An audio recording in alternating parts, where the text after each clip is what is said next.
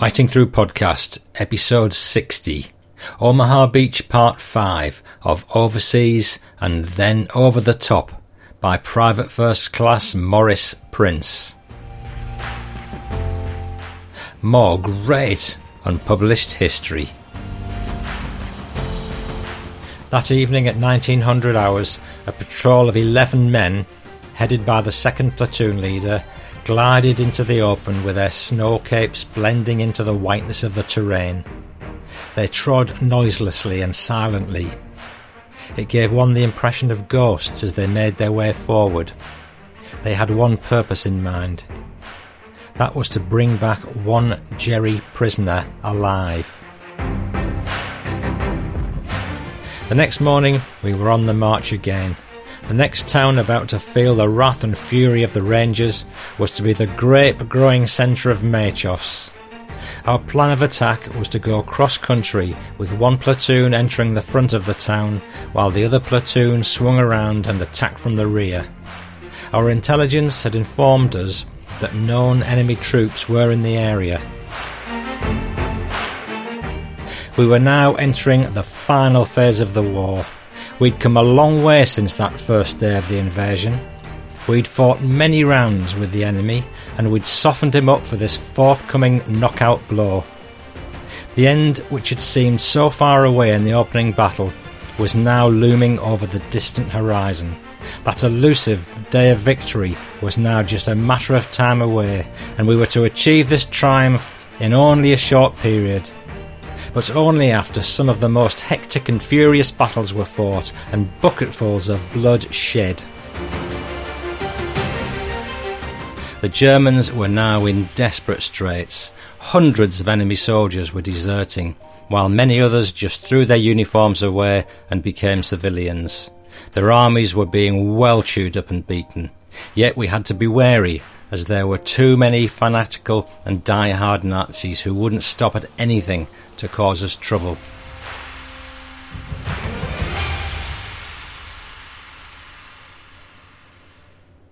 Hello again, I'm Paul Cheall, and I wish you yet another warm Second World War welcome back to Omaha Beach and beyond. This is the fifth episode in the Omaha series, so if you haven't listened to the earlier episodes yet, I'd recommend you go to episode 56. So, welcome back to what is the final tranche of the book. This episode is going to take you into the depths of the Third Reich territory, past the Siegfried Line, through the Battle of the Bulge and beyond, and ending in Czechoslovakia. As ever, there are maps, pics, and links in the show notes, sometimes in your listening app, always at my homepage, fightingthroughpodcast.co.uk. Before I start, I'd like to give you a brief intro to a few key elements of this episode, just to, uh, for the uninitiated, just to help you a little bit. And uh, thanks to Wikipedia for a bit of the background here. Um, at some point, this memoir goes on to the Siegfried Line. This was a German defensive line running roughly north to south between Germany and the Allied countries of Holland, Belgium, Luxembourg, France, and Germany. And it ran pretty much opposite the French Maginot Line, which was also a defensive line. And it stretched over 600 kilometres with more than 18,000 bunkers, tunnels, and tank traps. So it was quite a formidable affair. Now, from September 44 to March 45, the Siegfried Line was subjected to a large scale offensive by the Allies, and eventually the Germans counter-attacked in what was called the Battle of the Bulge, and the, the Germans achieved total surprise, and American forces bore the brunt of it, incurring the highest casualties of any operation during the war. And the Germans attacked a weakly defended section of the Allied line at the time, and the ultimate aim was to stop Allied use of the of the uh, Belgian port of Antwerp and to split the Allied lines, and that would allow the Germans to encircle and uh, destroy four Allied armies. Eventually, the Allied front line was restored after a lot of fighting to its original position, Uh, many experienced German units were left severely depleted of men and equipment as survivors retreated to the defences of the Siegfried Line. And the, the Germans' attack involved nearly 500,000 troops and over a thousand combat aircraft, as well as large numbers of guns and artillery. The Americans used over 600,000 troops, and 89,000 of those became casualties, out of which 19,000 were killed. So the Bulge was the largest and bloodiest single battle fought by the United States in the Second World War, and it was the third deadliest campaign in American history. Hill 400 also features in the fighting as a high, prominent, and therefore strategic vantage point in the Hurtgen Forest near Bergstein on the Siegfried Line, so in Germany. Um, so we're going to hear about the battle there as well. Uh, to recap, the 2nd Rangers Battalion have come over from America. They've uh, landed in Normandy on the 6th of June, and after a struggle and many casualties, they've taken Omaha Beach along with stacks of German prisoners. They then worked and fought their way through the Cherbourg Peninsula in the northwest of France. Then down towards the country's westernmost reaches to Brest, not far from which is the former base of the infamous pocket battleship, the Admiral Graf Spee. They then fight their way past various locations in France uh, and take a train to Belgium, making their way to Luxembourg.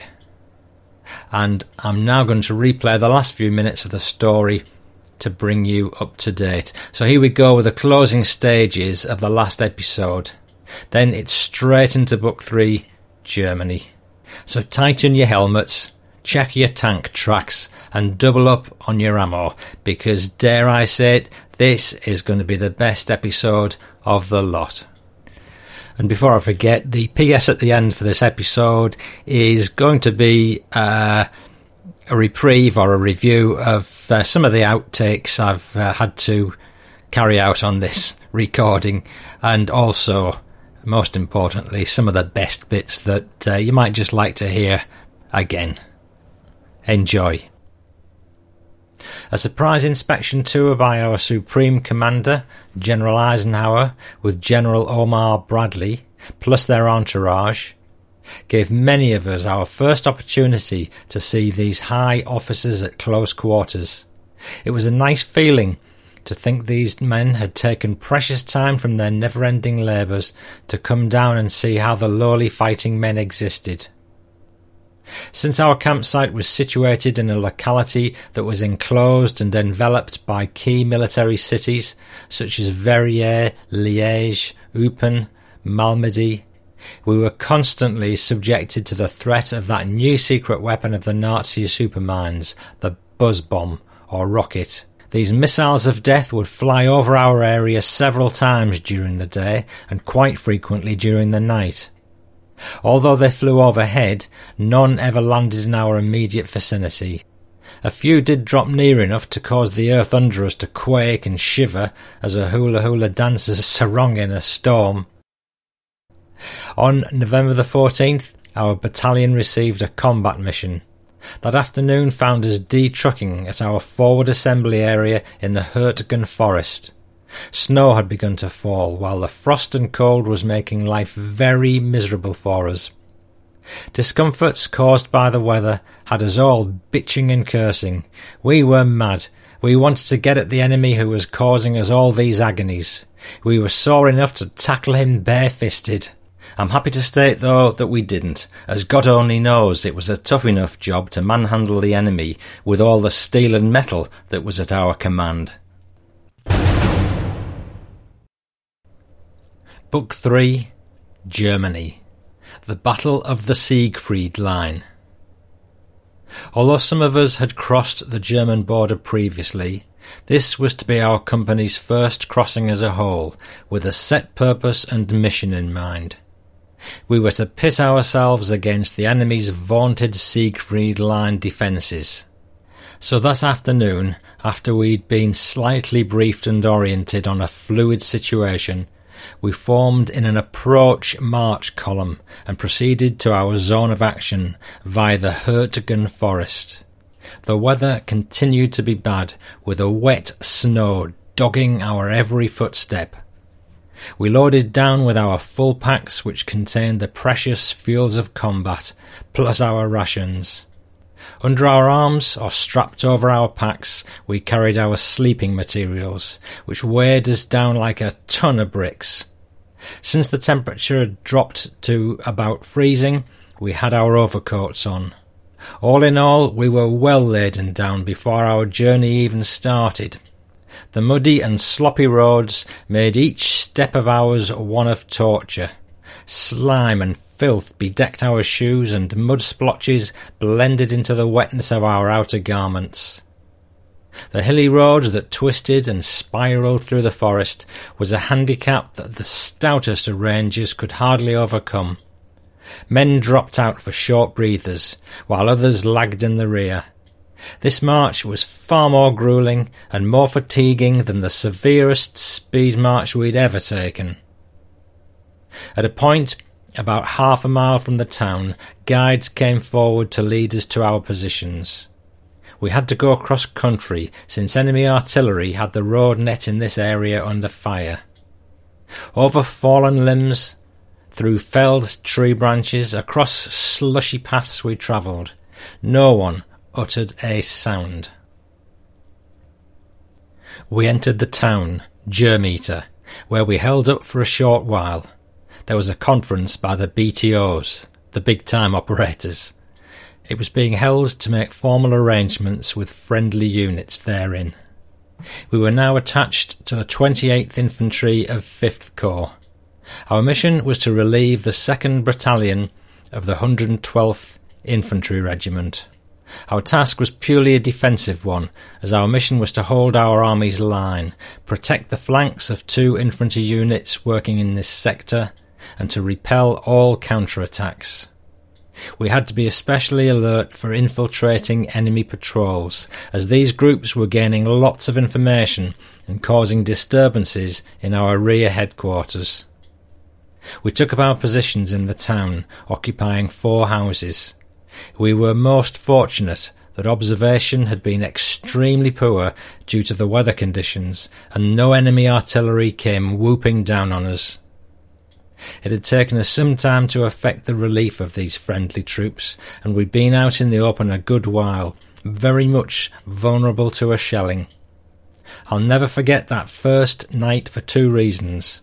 One, it seems as though the house our group was to occupy had a large object at the side of the entrance. So while we were waiting for the house to be cleared of troops, a few of us sat down on this immobile object. It wasn't till morning that we, that we found out that our seat of last night was nothing else than a big, fat, bloated cow which had been struck down by shrapnel. Then, also that night, we pulled guard by a wood pile at a corner of the house. When daylight came, we found a better position to set up our outpost. So the next night, we set up in a haystack just outside the back of the house. It was a most fortunate change, as during the second night a large shell landed right in the exact spot we'd pulled duty the first night. I'm sure there would have been two members of Able Company very much absent had we not changed places. We spent our first night in Germeter in comparative tranquillity. Some shells landed nearby, and every so often the enemy drew up a self-propelled to send direct fire into the town. On the whole, though, the enemy activity was light. Our first morning, as was to be expected, was spent in acquainting ourselves with the immediate surroundings. We could look about the town from our inside positions and note the turmoiled conditions of the neighbouring terrain. The road to our front was just a series of shell holes, and the nearby fields were one hole after another. What little trees there were were uprooted or shell scarred.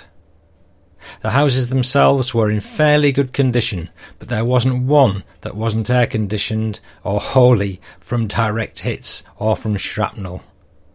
Farther down the road by a junction, the houses were completely razed, and the woods to our left front bore very good proof that they'd been through combat. Our own houses were in fairly good condition, although they were well marked and scarred by the ravages of war. They stood as yet defiant and habitable. To our front stood the high ground that gave us the proof of the considerable advantage which the enemy had in observing, plus giving us the advance notice of toughness of the battles to come. That morning it was a bit cloudy, and observation was shrouded. But when the afternoon came and the skies cleared up, the artillery came hurtling down on us. So far the shelling had been negligible, but that afternoon we received a thorough concentration. Luckily, our houses bore the brunt of the barrage and withstood the savageness of the attack. No casualties were sustained, but our morale wasn't raised any higher. Artillery fell intermittently that day, so we did have some cause for sweating. We pulled our guard duty, ever on the alert, always on the watch, but no signs were seen or heard of the enemy. The following day, we received orders to dig slit trenches in our backyards, so that in the case of enemy counterattacks, we'd have a compact and continuous skirmish line to fight from. We ventured outdoors under the cover of early morning cloudiness and dug our trenches. We returned to our houses on completion of our holes. Enemy shelling had interrupted our diggings a couple of times, but no one got hurt. That afternoon, when the sun came out and the clouds dispersed, a terrific enemy bombardment made our foxholes deeper and wider and had us all in the basement repenting our evil ways of life via our prayers. We surmised that the enemy, on seeing our new positions, gathered that new troops were in the area and that this was his way of welcoming us. For a week we stayed at these same positions, sweating out enemy barrages and seeking cover every time he opened up with his self-propelled.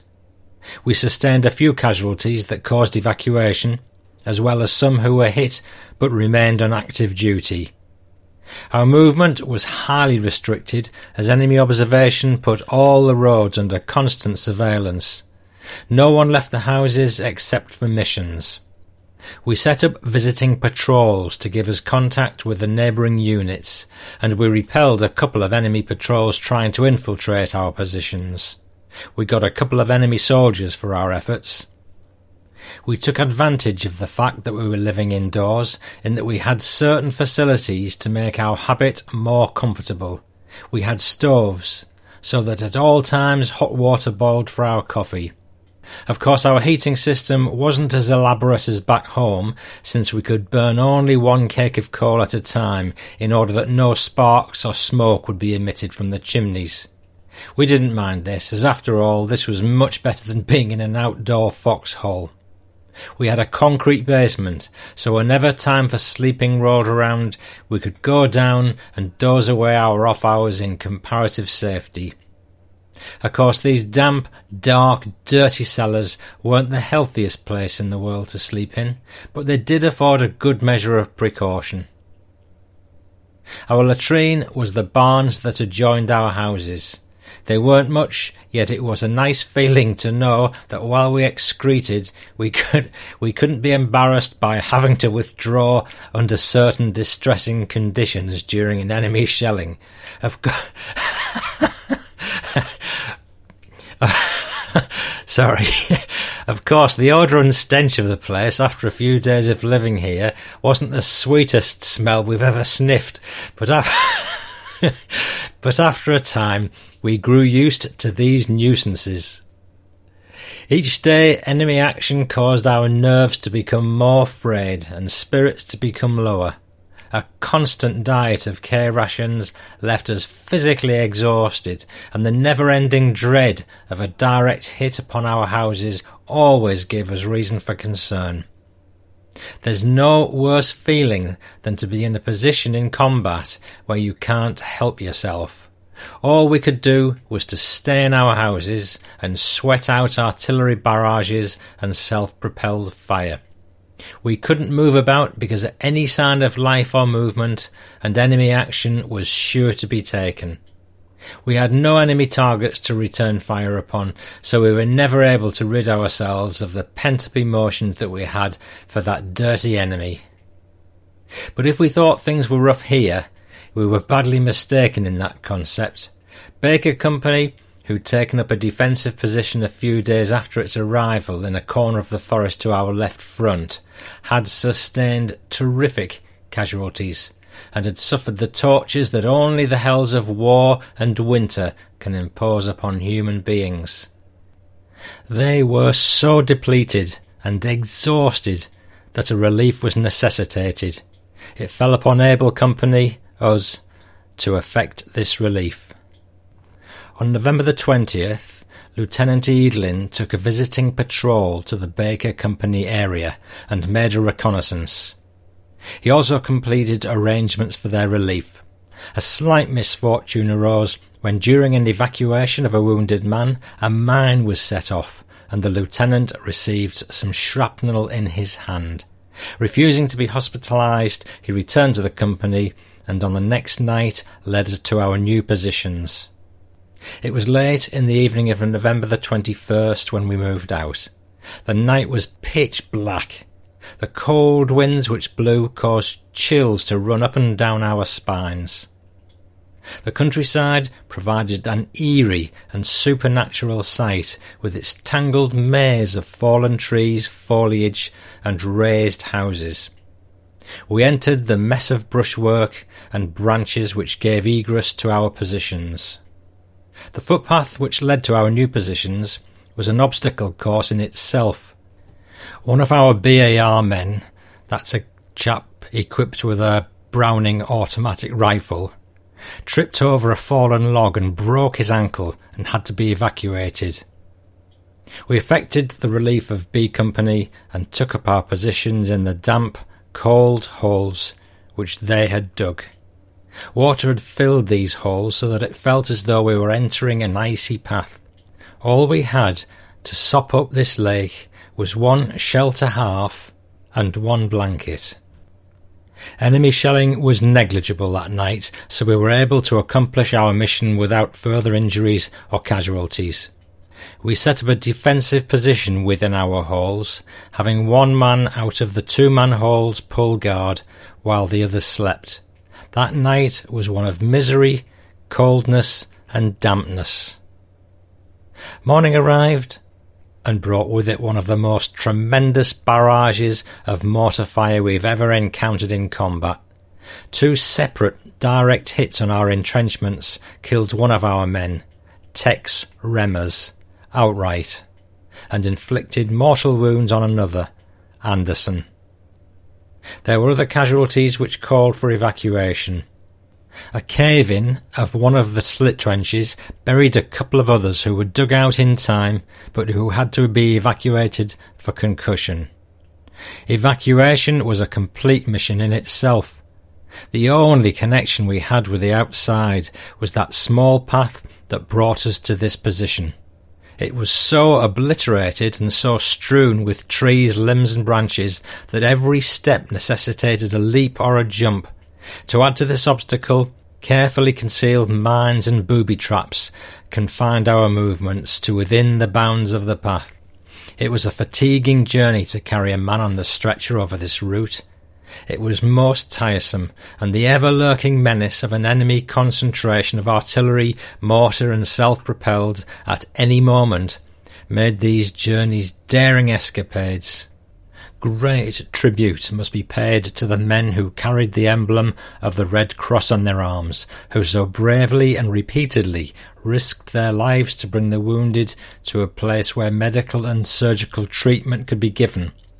Today, many of our friends are alive due to these men's valour and courage. Our first view of our surroundings gave us the knowledge that these woods had suffered the horrible consequences of battle not a tree stood unmarked. There were enough trees down so that the Germans wouldn't have to cut another one down for a long time. What must have been a beautiful forest was now a mess of uprooted and overturned trees. Ugly cuts and rips showed exactly where the limbs and branches were sheared off and crater holes literally dotted the area. All that morning the shells came whizzing in all sizes and millimetre. These woods were an important key to the entire Siegfried line defences, and the enemy was trying to retain possession of the forest. It was a miracle that we weren't all killed or wounded during these shellings. We had so many narrow calls that it became routine features of our lives. Our blankets and equipment which lay on the outside of our holes or on the inside were peppered with small pieces of shrapnel. How our bodies missed all these tiny missiles of death, I'll never know. All we could do during the barrages was to sweat and pray between shellings, dig deeper. All that day and night we suffered in these holes. Enemy patrols which were combing the area lurked nearby. We held our fire for fear of giving our position away too soon, without finding out the enemy's real strength. Some small arms were fired in our general direction, so as to draw us into a firefight, but since our mission was purely defensive, we didn't return the fire. Enemy artillery fell intermittently. Our own counter batteries were giving us close support. We could clearly ascertain our white phosphorus dropping within 200 yards of our holes. The sprays of hot, molten lead that spread out into fantastic designs when these shells landed covered the woods with white smoke and put an acrid odour into the air. The following day, which was Thanksgiving, found us in these same dreary trenches. Frost and dampness were making our lives unbearable. Some men were suffering from frostbite and had to have medical attention in the rear. Shelling was as heavy as ever, and three more of our boys had to be evacuated. Our company was thinning down like a prisoner at Buchenwald. Our only chance to combat the frost was some foxhole exercises, and the only way we could combat the physical foe was to bar his attempts to break through our lines. That day we sent out patrols to search the area to our front. They were to be especially watchful for minefields, as other units were to be advancing over this terrain. Other patrols, meanwhile, were sent to contact friendly units on our flanks. Ration and water details were sent to the rear. For our Thanksgiving dinner, we supplemented our K rations with D bar, which we ate for dessert. I'm afraid there weren't many of us who had reason to be thankful that day. Listener, I don't like to uh, interject on this podcast or this this particular story, but on this occasion, I'm going to explain what a D bar is. I've looked it up on Wikipedia. And according to Wikipedia, uh, D ration uh, was the first chocolate bar ration commissioned by the US Army, and uh, it was made by Hershey's. And the ingredients were all sorts of things sugar, oat flour, cocoa, etc. Um, but it was specified to be high in food energy value and be able to withstand high temperatures, and also to taste a little better than a boiled potato to keep soldiers from eating their emergency rations in non emergency situations. So, um, there you go. That's the background to it. I don't think it was the best tasting thing. It says in Wiki the the D ration was almost universally de- detested for its bitter taste by troops and was often discarded instead of consumed when issued. Troops called the D ration Hitler's secret weapon for its effect on soldiers' intestinal tracts. It couldn't be eaten at all by soldiers by soldiers with poor teeth and even those with good teeth often found it necessary to first shave slices off the bar with a knife before consuming. So there you go. That's uh, hence the comment by uh, Morris Prince. I'm afraid there weren't many of us who had reason to be thankful that day. Anyway, carrying on. Enemy barrages were heavy all that day, and a couple of boys who were suffering from concussion had to go to the rear. Our morale might have been low, but our fighting spirit was as good as ever, although we had nothing material to fight. Another miserable night was spent in these icy water soaked holes. A slight drizzle that fell didn't do our waning morale any good. Enemy artillery was negligible, but we were subjected to some small arms and snipers' fire. Morning came and more shelling came. This time it wasn't so heavy. We believed that our counter batteries were beginning to take their toll of the enemy and that they were losing a great deal of their firepower. Also, friendly units who were on our flanks began to advance forward, and the enemy was placing more fire on them. We sent out patrols that day to clear out our front of the enemy. We also sent out our usual visiting patrol to contact friendly units on the flanks. We were fortunate that day as no casualties were suffered from enemy action, though a few of the men had to go to the rear for treatment of trench foot. That afternoon found us in the rear as friendly units bypassed our positions. The enemy had long been cleared out of these positions, but terrific shelling and pounding had denied us this ground. Enemy artillery still fell on our positions, and it was considered very foolish to leave our hall at any time under any circumstances. A couple of more cases of frostbite, and our company took on the appearance of an under-strength platoon. Our last night in these halls was spent in comparative quiet and comfort. Details which were sent to the rear to bring up additional sleeping material brought back the much needed equipment. Extra socks were also furnished, so for the first time in three solid days we had the opportunity to have a dry pair of socks on our feet. Enemy activity was negligible. Some artillery and mortars landed in our vicinity. No foot patrols or small arms fire were encountered. Even the weather took a turn for the better as the bright moon lit up the sky. It looked as though Miss Good Fortune was smiling on us at last. The next morning found us in another barrage in which one casualty was sustained. Outside of that, enemy shelling was fair. That afternoon, we were finally relieved and we returned to our defensive positions in town. After four nights and three and a half days, we were at last free of these halls of death and misery. What untold sufferings we'd endured will never be known. It's small wonder when we recall this part of the Hurtgen forest, we refer to it as Hell's Corner, or Purple Heart Forest. We took up our old mode of living in the houses in Germeter. Some of the boys who'd left the halls for medical reasons were on hand to welcome us back. They'd just taken treatments and had taken up a position in town to act as counter-attacking reserve. A quick count of men present gave the score of 57 enlisted men and three officers. I couldn't guarantee the combat efficiency of half the men present, as I'm sure that if these men had not been Rangers, they would have been in hospitals relaxing and recuperating instead of hanging around, ready to take part in active battle if ever the emergency arose. For two days our company remained in town. Enemy artillery and self-propelled continued to fall intermittently, but no casualties were sustained.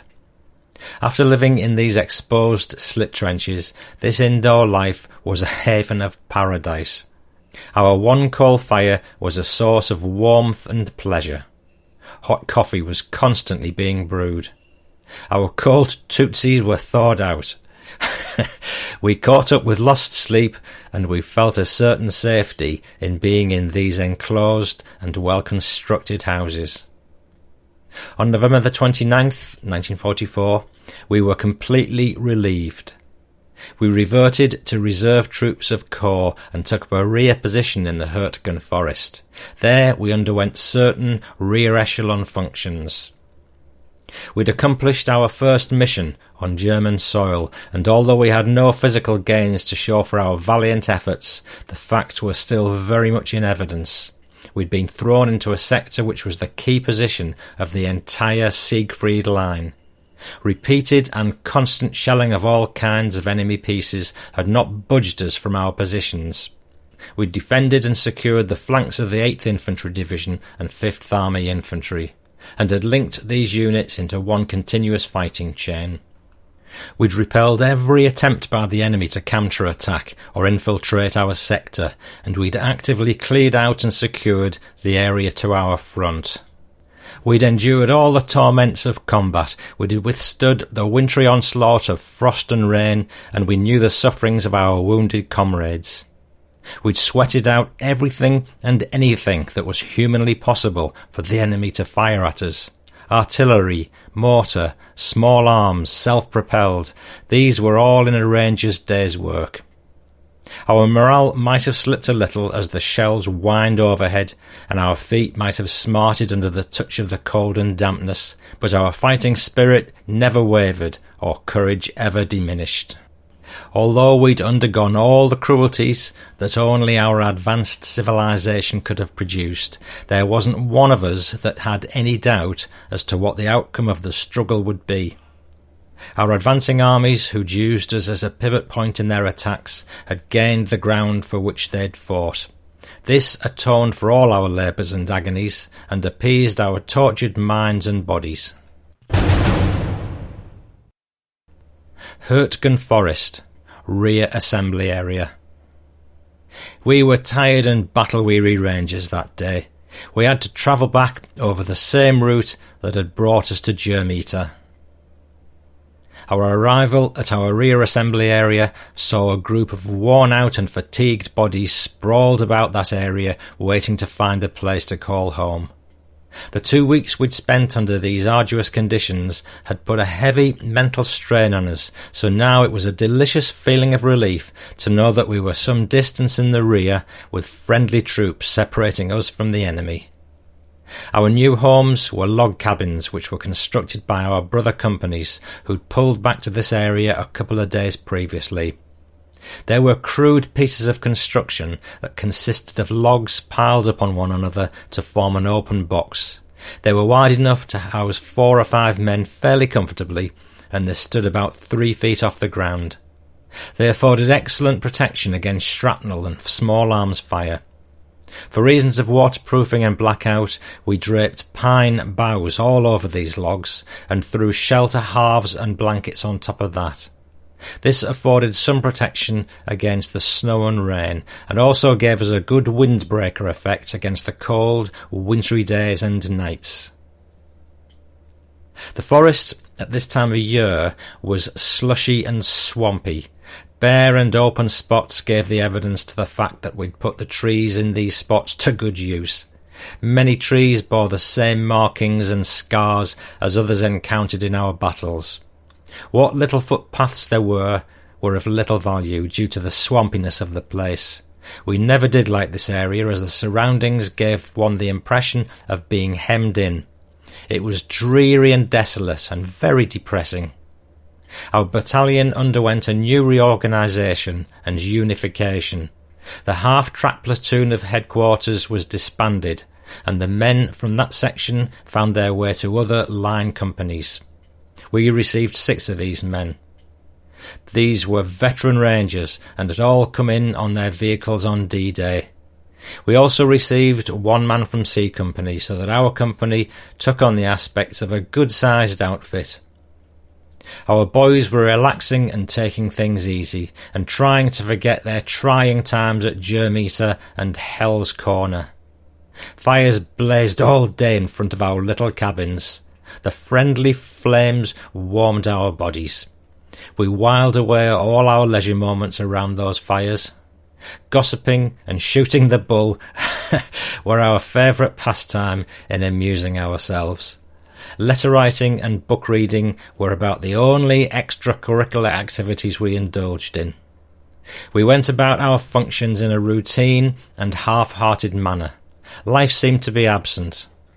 Spirit and joie de vivre could only be found around chow time, as we then took on a new and effervescent spryness.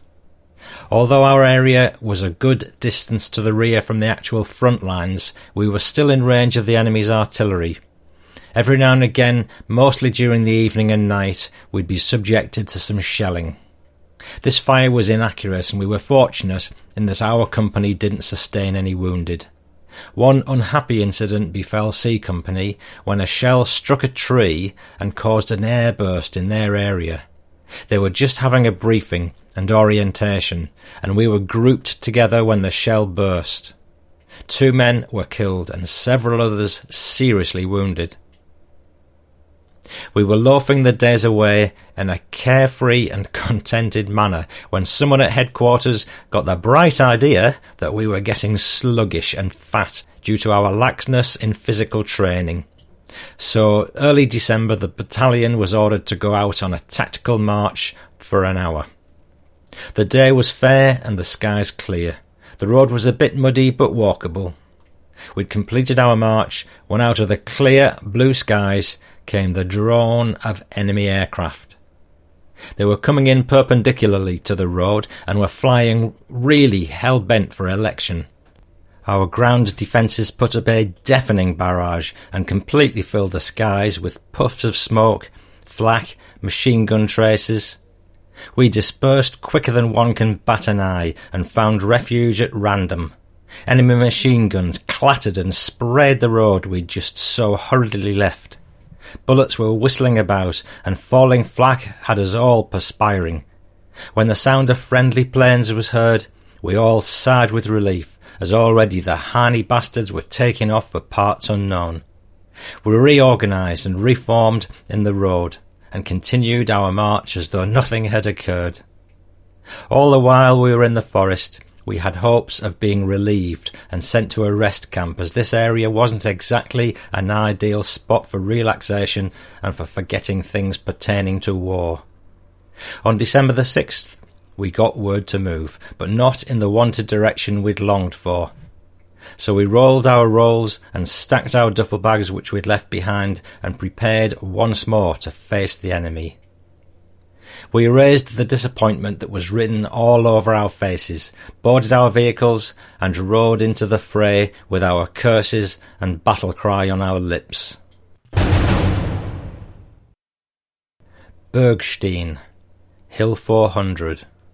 It had been fairly late in the evening when we moved out. It must have been about 10 pm, as I distinctly recall we'd sat about in our cabins, waiting for the company commanders to finish their orientations and briefings. Information was very meagre, and what little we could ascertain was of very little value to us soldiers. We did learn that we were about to be on the offensive this time. Our mission was to take Hill 400, which lay about one half mile east of Bergstein, which was then our army's furthest penetration into the east. We rode our vehicles in complete silence and darkness. We were huddled together like little lambs at the slaughterhouse. A cold wind plus a slight drizzle were dampening our spirits and soaking us thoroughly, making our very existence miserable. We detrucked at a turnabout, which was a good four miles from the actual front. The reason was that any further progress of the vehicles would come under enemy shelling range and give our entry away. We wanted our entrance to be of a secret nature, so as to effect a surprise attack. We proceeded to go the rest of the way on foot. On our route, we passed the many tanks and vehicles which had given their all. This mute testament to the heavy battle which our gallant soldiers have fought was sufficient proof of the rough going that lay ahead. Battered and discarded hulls of giant tanks littered the nearby fields and sides of the road. Vehicles of all descriptions and of both nations were plentiful and pathetic to behold as they lay in their positions of death. We were laden down with supplies and equipment, and the tedious trip was beginning to make itself felt on our physical being. Artillery pieces from both sides were opening up, and we found ourselves in the midst of a duel. We continued our march until we reached the outskirts of the town. A halt was declared as artillery was making shambles of the town. We took some cover beside the half tracks and tanks which had been knocked out and had been left standing as roadblocks in the middle of the road. Our colonel, who'd made a hasty reconnaissance of the area, had selected his command post and had further briefed the COs. Enemy shells were landing close, and we were lucky not to have received any casualties. Men were lying under the half tracks and in the ditches on the side of the road. Control was lax, but never lost. Our company received the mission of taking up a defensive position on the eastern outskirts of town and to contain all the enemy to our front. The actual assault of the objective, Hill 400, fell to D, E, and F companies. We were to act as flank protection and as a counter-attacking force. Guides were supposed to have led us to our defensive position, but somehow or other they never did show up. So our own officers took on the responsibility of leading us on their own initiative, plus map reconnaissance. We advanced slowly through the town, which was still receiving intermittent fire. We were well deployed, but held our formations. We proceeded with the utmost precaution, stopping only when a shell whizzed by, hitting the ditches at each explosion. The town was no more than a raised and skeleton form of a village. Several fires still burned at spots which were once houses, and the streets were littered with fallen debris. It was a little after 3 a.m. when we reached our section for action. We were most fortunate that the Heinies had so obligingly left a series of trenches in his wake, so that we had a swell arrangement. This was a sweet answer to a tired and weary ranger's prayer. We were all played out, and it was with great relief that we welcomed these entrenchments. Enemy shelling, plus a cold drizzle, were adding to our hardships. We remained all night there, enduring these torments. We prayed for success for our brother companies D, E, and F, who were scheduled to make their assault early in the morning. When dawn broke, we spotted enemy activity and vehicular motion to our front at a distance of about 500 yards. We held our fire and called for artillery to fire a missile for us. The results were excellent as we observed and zeroed in the shells. An enemy counter barrage wounded two of our men, and they were sent to the rear. D, E, and F companies, meanwhile, radioed in mission completed but were undergoing a terrific bombardment of enemy shells of all sizes and descriptions. They sustained heavy casualties, but retained possession of their objective. All that morning, these stout handful of Rangers were being counter-attacked. The enemy was throwing everything he had, and if a kitchen sink had fallen in their sector, these men on the hill wouldn't have been surprised in the least. These artillery concentrations were generally followed by a wave of enemy foot troops, but these gallant Rangers beat them off. Every attempt of the Kraut to gain a foothold on the ground they'd lost was stymied. Our artillery was giving them excellent supporting fire and had tremendously aided in keeping the enemy dispersed and confused. The Heine dead were piling up in stacks all about the hill, but still they came on for more the Rangers obliged by giving them all they wanted. As for our company, we were undergoing all kinds of shelling. Enemy tanks, which were dug into the northeast of us, the Schmidt area, were constantly booming. Every so often, the Heinies would pull up a self-propelled and open fire on us. Then they would withdraw to a concealed and prepared position before we could spot it and call forth our artillery. Some small arms and sniper fire harassed us but didn't cause too much concern. All afternoon we sweated out one barrage after another. Again, we were like ducks in a shooting gallery, letting other people use us as targets, while we lay on our stomachs not able to do a thing but pray and sweat. Men were trying to catch up on some sleep, since weariness was beginning to become apparent. We munched our K rations, and everyone had a glassy and half dazed stare in his eyes. I honestly believe that if our previous training hadn't been of superior quality, there would have been a lot of us today in sanitariums playing Napoleon or the Queen of May or whatever. That night we moved into positions in the town itself to take up a reserve counter-attack force for the men on the hill. Furthermore, we were alerted to be especially watchful for infiltration which was trying to cut off our men on the hill from their bases of supply and communication in town. Also, some snipers had re-entered the town, and their burp guns had caused some confusion and casualties to some friendly troops. Enemy artillery and self-propelled fire continued the reduction of the town to shambles. We suffered casualties when shrapnel found a target in the bodies of two of our men as we entered the town. We set up in a couple of beat up but habitable houses off the road that led from battalion headquarters to the hill at the outskirts of the town. Consistent enemy shelling which came in non-ending barrages had us all worried. We were extremely fortunate that the Jerrys had built their houses strong. I'm afraid if it weren't for the reinforced concrete basements in these houses, this author may not have been able to write this story. The closest call we had came when an enemy shell crashed through the outer wall of the building the first platoon were housed in, penetrated, penetrated into the hallway where the guards stood posted, and landed as a dud on top of the basement the platoon was gathered in. Every time anyone wanted to quit the cellar and go outside, he had to make a round circle as to avoid making contact with the dud. The first platoon boys weren't too happy about that fact either, that another close hit may have set this shell off. Thank God it never exploded. We'd held ourselves in immediate preparedness to rush to the aid of the companies on the hill, as reports came in to the effect that they were being counter-attacked. We donned our equipment and were all set to move to the rescue. But the gallant rangers on the hill didn't need our help as they continued to mow the enemy down and manhandle the Kraut every time he was foolish enough to storm the hill. We spent the night in these same positions, fully on the alert to move out if needed. We never were needed. Enemy artillery continued to fall, and self-propelled opened up every so often.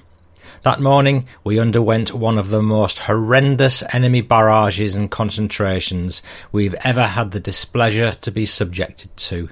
For 45 minutes, without the slightest interruption, the shells rained down all about us. Several direct hits were scored on our structures, but outside of concussion and fright, we escaped unscathed. Incredibly, not one casualty was sustained. That afternoon, misfortune struck at battalion headquarters. A direct hit landed on the command post and killed our beloved surgeon instantaneously. It was a great blow to us. Doc Block was about the most liked officer in the battalion. He'd come in at the point on D-Day. His heroism and bravery had won for him our honest respects and got him a DSC for his brave and valiant efforts. Requiem in peace, Doc. We surely miss you. Also, an untimely request from higher headquarters deprived us of the services of our battalion CO, Lieutenant Colonel Rudder. It appears as though a regiment needed our CO services more than did our battalion, so we lost our faithful leader to the desire of the big dealers, and we gained Major Williams as our new battalion CO. He was formerly executive officer. One nice thing did happen to our outfit though while we were here. The Army's new rotation system finally caught up to our unit, and our company was most fortunate in placing five men to go home on furlough. Each man had the necessary requirements, which was two medals plus six months combat or hospital period. Paradoxically enough, those men hated to leave us in this period of stress, but yet they couldn't afford to pass up a chance to visit their loved ones. That evening, a relief was effected for the battalion. Artillery was still raining down on us, and we suffered one casualty who had to be evacuated. Our companies on the hill were first to be relieved, and then we followed. Bringing up the rear was the enemy's artillery. Although we hadn't slept for two days and two nights, the boys found newborn energy, pep, and vigour as they hustled out of town as fast as their legs could carry them. We fairly flew the distance between the awaiting trucks and the town. Shells were landing nearby and gave us added inspiration for our headlong but controlled flight. When we reached our vehicles, we were all perspired and thirsty. Water hadn't been available, so the men scooped up gobs of snow which had lain at the side of the road and used that to quench their thirst. That night, December the 9th, found us back in our old doghouse area, so nicknamed in the Hurtgen Forest. Once more, we could review our actions in combat with satisfaction. We could again pat ourselves on the back. We'd gone out and had gained the most vital piece of terrain in the entire Schmidt area for our corps. We'd made the furthest penetration to the east of all our armies at that time. We'd undergone the most severest of shelling and direct fire that the enemy had ever concentrated in one area. We'd repelled one counter-attack after another, and we'd sustained very heavy casualties, but had held out with undying stubbornness and unyielding tenacity. The many dead who lay or were piled in heaps about the battlefield gave mute testimony to the fact that a ranger would never surrender without a fight what he'd won in mortal combat. That night, when the depleted and worn out Rangers left this zone of action, it had taken an entire infantry regiment to effect the relief. Hurtgen Forest again. Again, we faced this self styled mode of living adopted over a week ago. Although we had no love for it, there was nothing else we could do about it, so 55 men and three officers resigned themselves to the fate on hand and settled down to renew acquaintanceship with our log cabins or dog houses. Once more our body warming fires blazed cheerfully in front of our cabins, but somehow or other the conversations and bull sessions were dull and uninteresting. Bergstein had taken a lot of our spirits, and we honestly believed that we deserved a better reward than these dog houses in this depressing area. We led dull, routine lives in this area, just existing for chow call. We got a break when the battalion initiated a pass system. Each company was allowed a certain quota of men to visit Eupen in Belgium, the First Army's rest centre, for 48 hours, and certain more fortunate persons were allowed 72 hours, plus travelling time to Paris. The lucky men that got to go to Paris really had a time, and I never heard any complaints about the rest centre at Eupen either, since the frivolous city of Verviers was within easy travelling distance. Since we were in arrear, some of the boys who'd contracted frostbite and trenchfoot in their stay in Hurtgen and Bergstein now were sent to hospitals for treatment. Some of these cases were severe, and we lost several men that way. These brave men had suffered and endured all the pains and miseries of this illness, and could easily have had themselves evacuated to a rear area during their stay on the front lines but they never complained or mentioned their pains to anyone, and had fought alongside us, carrying their tortured emotions in silence. It's this kind of individual heroism and guts that makes a soldier into a ranger. He doesn't win a medal for his sacrifices, but he gains his own self respect and the admiration of his fighting buddies. Many's the time I've seen a buddy of mine maimed or wounded trying to refuse medical attention for fear that they'd have to go to a rear hospital and leave their comrades in position on the line. I'll never forget the day in the Hurtgen forest, Hell's Corner, where a mortar shell wounded my section leader. He refused the attention of our first aid man, as it was too dangerous for our medic to expose himself to come over from the CP to attend him. So he hobbled out to the CP without a word, and then made the trek to the rear alone on a broken ankle. Normally, it would have taken four stretcher bearers to carry him through this maze of tangled branches and limbs, and through the constant danger of incoming artillery. Today, the sergeant's in a hospital in the States because of wounds he sustained in the forest. For five days, we led the life of a woodsman, cutting and chopping down trees and converting them into firewood. We made our homes more comfortable while we passed away that time in a manner that required the least of manual labours. On December the 16th, we got the very unexpected order to move forward again. We had some men out on passes and some that were undergoing treatment for trench foot. We were very much unprepared for any missions, yet the order had come down and had to be carried out. We threw all our belongings into our duffel bags, rolled our rolls again, and prepared for action. It was late in the afternoon when we boarded the trucks. We hadn't been oriented, and even our officers were in ignorance of the situation. We raced the vehicles to Rötgen, which was Corps headquarters. We halted there as our officers were to be briefed and oriented here. We were now destined to enter a new phase against the Nazi super race. This time we were to be on the defence.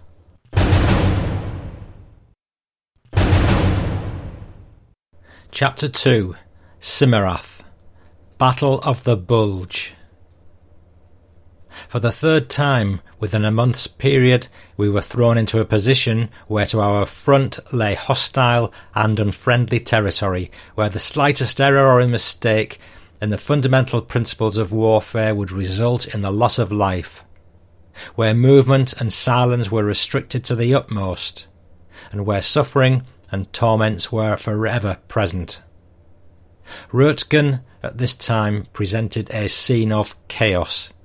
Enemy paratrooper alerts had all our rear echelon troops staunchly alerted, and patrols continually roamed the streets, searching for infiltrating Germans. Spies were being rounded up, dressed in GI garb, and were being detained for questioning.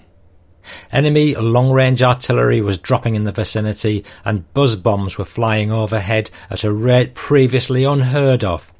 These signs and symptoms gave the warning signal that the great German counteroffensive was now in its initial stages. The Battle of the Bulge was being born. Our officers returned from their conference. We got our first briefing on the situation. Little was known of the enemy's moves and of his strength. All we knew was that he was on the offensive and that he'd made some penetrations into our lines. We were now attached to the 78th Division of Five Corps. We were to take up a defensive position just north of the enemy's breakthrough at Simmerath, and we were to contain him in that sector. We had to be extremely careful for infiltrating patrols and spies who were causing disturbances in our rear headquarters and were harassing our frontline troops. It was fairly late when we moved from Rötgen to Lammersdorf. There we exchanged our trucks for light tanks and completed our journey to Simmerath. Enemy shelling was light. That was a good break as this tank riding business was no good. We were too big a target and too exposed. Also, these tanks made enough racket to give away our approach positions for miles away. We took up positions about a hundred yards outside of town, facing the enemy from the northeast. We were set up in a dirt road that was lined on both sides with trees. This afforded us some natural shelter. It was now about 1 a.m. Shelling was negligible since the enemy hadn't spotted our movements as yet. We dug in as best we could, but the firmness and solidity of Mother Earth in this vicinity parried our every effort. For security reasons, we didn't try to blow ourselves holes through the employment of hand grenades and dynamite. In the first platoon's area, water was struck after a depth of no more than two feet, so our only protection against the enemy was shallow slit trenches which we were able to heave out. Our company was pathetically small. Our two platoons combined would barely have equalled one of our regular platoons. Our sector of action covered a large front, so we were well distributed. Instead of having a desired skirmish line with oral or hand to hand signals for contact, we were set up as a series of outposts with messengers and walkie talkies as our only means of communication. We were well exhausted and fatigued when we'd finished our digging. We'd sat up as well as was possible under our distressing circumstances when the enemy began to pour smoke shells in and began throwing airbursts at us. It was the most ticklish situation we'd ever run into. Smoke shells screened our front and prevented clear observation. The shells caused grey hairs to appear on our heads. The small number of men we had facing the enemy didn't aid the wrinkles and lines that appeared on our faces. We thought certainly an enemy counter-attack was imminent. Buzz bunnies were being constantly sent off by the Kraut. We could ascertain their initial send-off as we could see from where they were being fired. It was an interesting sight to watch as these huge rockets sped upwards and then over our positions. Watch as they flew through the curtain of lead our air defences put up, and gaze with horror at the huge explosions which followed these missiles of death when reaching their destination. Enemy aircraft was extremely active that night. Huge transports flew over our position at treetop level. We felt as though all we had to do was stick our hands up and we'd have been able to pull those planes down. I'd never seen so many planes in the sky at one time as I saw then.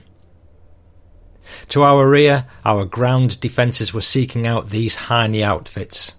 Their giant spotlights and beams crisscrossed the skies to form patterns of crosses.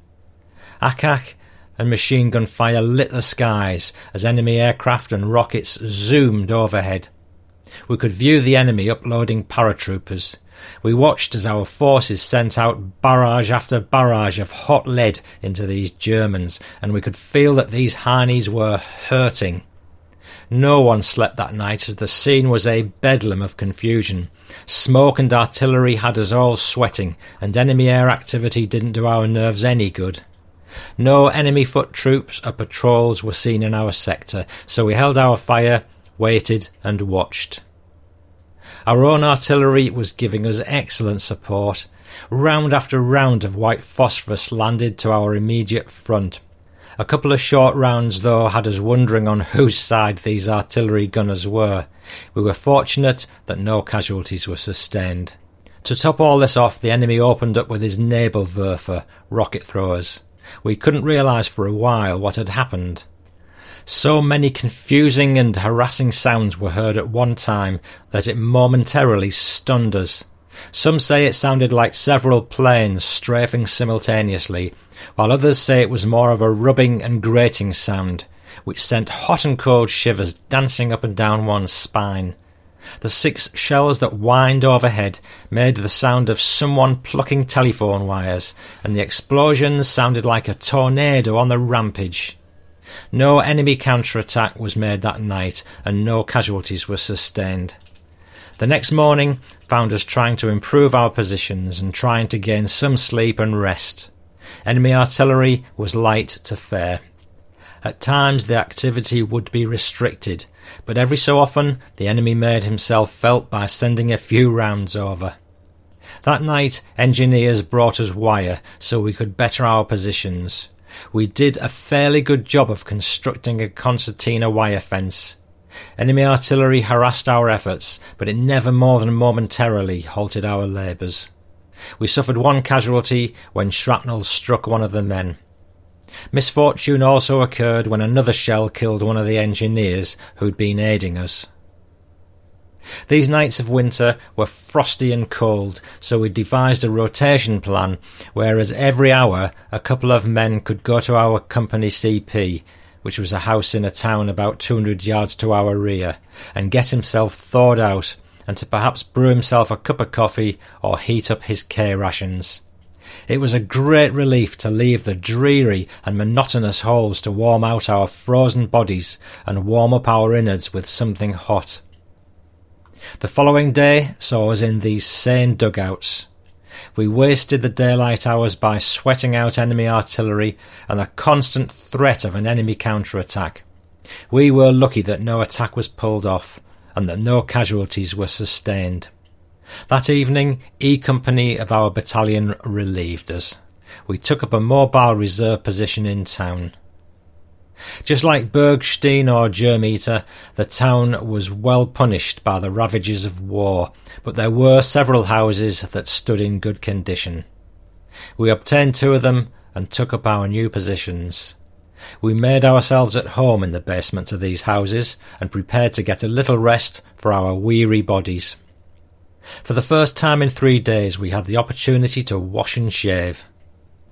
Since there were some beds in these underground shelters, we had the added comforts of sleeping as civilized human beings. Enemy artillery was fair to moderate in the town. One of our buildings sustained a direct hit, but outside of superstructural damage, no harm was done to the personnel within. We received seven new men while we were here, who'd been recruited to appease our previous losses in combat. These soldiers, who under normal circumstances would have undergone certain training and treatment to break them in for the jobs, but not due to the seriousness of the situation, the Battle of the Bulge was in its deciding stage. These youngsters were being thrown into the heat of combat without the chance to become acclimated by degrees. Having the right spirit and gumption, these men fitted into their respective places and took up their positions in the squad. They fulfilled their tasks in a manner that spoke well for the officers who were responsible for their being there, and gave credit to the men for their willingness and obedience in carrying out their assigned missions. For two days and two nights we were in reserve. Then we moved out to relieve Baker Company, who were on line.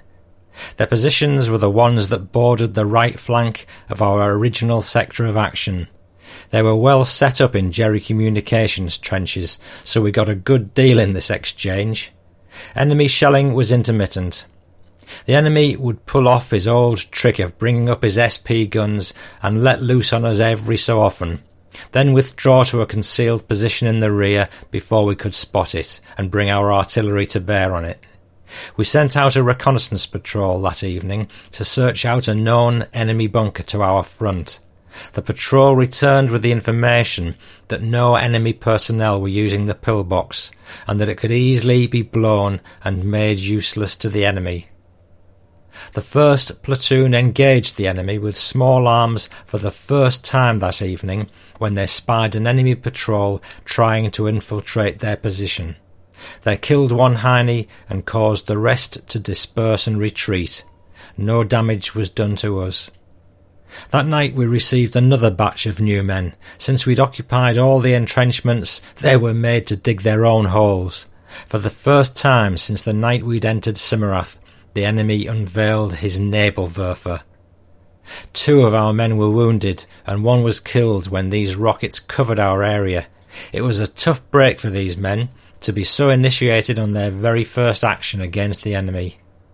Things quietened down after this debacle, and the lines remained stable with very little enemy artillery falling in our zone. For an entire week we stayed in these same positions. We were alerted several times for probable enemy attacks, but none came. We sweated out enemy shelling and direct fire and repelled a couple of patrols from penetrating our defences. We endured the hardships of the weather and we munched our K rations in silence. We pulled endless hours of guard duty and we actively patrolled our area to the front. We laid formidable wire defences and placed anti vehicular and anti personnel mines to our front. Just routine duties in the lives of combat men. On Christmas Eve, our first sergeant surprised us by throwing a little party at the command posts. He'd got the CO's permission, and with the aid of some of the boys from the mortar section, had fixed up a small tree and had set up a table of delicacies and candy for us. He'd scraped up this sweet stuff from packages that some of our men who'd been killed were still receiving. There was no sense in returning the packages, so he'd retained them for this purpose. I'm sure the senders of the packages would not have begrudged us this Christmas feast. Even our K rations tasted and smelled better that night. On December the 28th, we took up a mobile reserve position in town. We'd had it fairly rough in our holes, so it was nice to get out of them even for a short while. It was grand getting back into a building where we could once more acquaint ourselves with the luxuries of combat, meaning soap, water, heat, and hot coffee we could relax our weary bodies, and we could set our minds at peace. Enemy shelling and self propelled fire were still covering the town, so that we never were out of actual danger.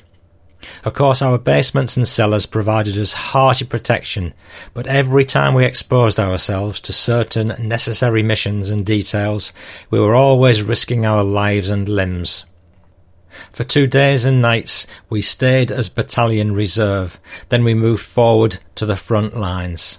Again we relieved B Company, but this time we took up positions which were originally C Companies. Our setup here was much more favourable than we'd had previously, since the defence here was a series of eight outposts manned by 16 men. This meant that only one third of the command was needed on guard online. This definitely was a good break for us, for the amount of guard duty was cut by one third. On the whole, enemy action was slackening. Unexpected mortar and artillery was still a constant menace that hung like the sword of Damocles over our heads, but as long as we took the proper precautions, we were in no immediate danger. Our company's spirit was on the upgrade. The new men had recovered from their terrifying experience of the first night. Everyone was friendlier and more cheerful. Appetites were increasing, and a mutual feeling of good fellowship had become more pronounced. We spent our New Year's Eve in these positions. To welcome the new year, our artillery put on an excellent display of noise and fireworks for us. Shells were thrown at the enemy in a manner that must have made them feel very unhappy. White phosphorus shells saw that he too had a hot time, but I'm afraid that the Heine's sense of humour didn't allow him to enjoy this merriment. Snow fell on New Year's Day and covered the countryside with a blanket of white.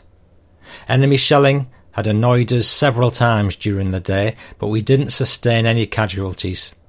That afternoon, a must mission was handed down to the second platoon leader from the company. It was left to him to accomplish it. That evening at 1900 hours, a patrol of 11 men, headed by the second platoon leader, glided into the open with their snow capes blending into the whiteness of the terrain. They trod noiselessly and silently. It gave one the impression of ghosts as they made their way forward. They had one purpose in mind. That was to bring back one Jerry prisoner alive. It was deemed a critical mission which just had to succeed. Enemy information was nil, and our intelligence was hard up for this want of knowledge. They moved down the middle of the main road, which led to a known Heine position. Cautiously they strode, stopping every so often, hitting the ground and becoming part of it, listening and scanning for the symptoms of the Jerrys. They'd approached within striking distance of an enemy outpost which held two Heinies. Here they were spotted by the enemy from another position about a hundred yards away. Small arms and machine gun fire hailed the discovery. Our men had to seek cover and safety. All pretences and precautions were then thrown to the winds. While most of the patrol returned the fire of the enemy, the lieutenant and one other man ran forward and threw hand grenades into the enemy outpost. One Jerry was killed and the other stunned by the explosion. The dazed Heine was lifted bodily from his hole. The two rangers withdrew with their prize to the positions held by the fighting patrol. A hasty retreat was instigated, and the men took off down the road at a quickened pace. We'd sustained one casualty when a hail of machine gun fire tore over the heads of our men. One of these slugs struck a man in the upper jawbone, causing a nasty and serious wound. He withdrew under his own steam and was immediately given first aid and evacuated upon his return to the command post. We'd completed our task at the cost of one of our comrades. But in return, we'd gotten our prisoner, and had left behind two other Jerrys dead. This was a typical ranger job, daring, planned, and boldly executed. That night was spent in comparative quiet. Our own mortars and artillery were doing all the shooting and making all the noises. The Jerry was fairly well subdued in this sector. We were plastering his every position in this area. The next day, January the 2nd, a battalion of the 78th Infantry effected our relief. We withdrew from Simmerath in a manner similar to that which we'd used entering the town, except this time we went on foot. We marched to Lammersdorf, where our vehicles awaited our return. We boarded them and rode to our destination, which was Roetgen. It was a comforting feeling to be off the front lines and to be set up in a rear campsite again. With another job well done, we could once more review our parts which we'd so gallantly played and starred in. Although we'd not made any physical gains for our armies, we had done our labours well. We'd contained the enemy in our sector of action, which was then one of the critical zones of operation during the Battle of the Bulge. We'd repelled the enemy in our sector in all his attempts to counterattack or infiltrate our positions. We'd held our ground at all costs, and we'd secured the area to our front by vigorous and fighting patrolling action. Once more, we'd locked horns with the enemy and had emerged as the victors. Rötgen. Although we'd spent our Thanksgiving, Christmas, and New Year's days in halls, there was no doubt or lack of confidence on our part to the fact that this new year would bring a happy ending to the struggle against Nazism.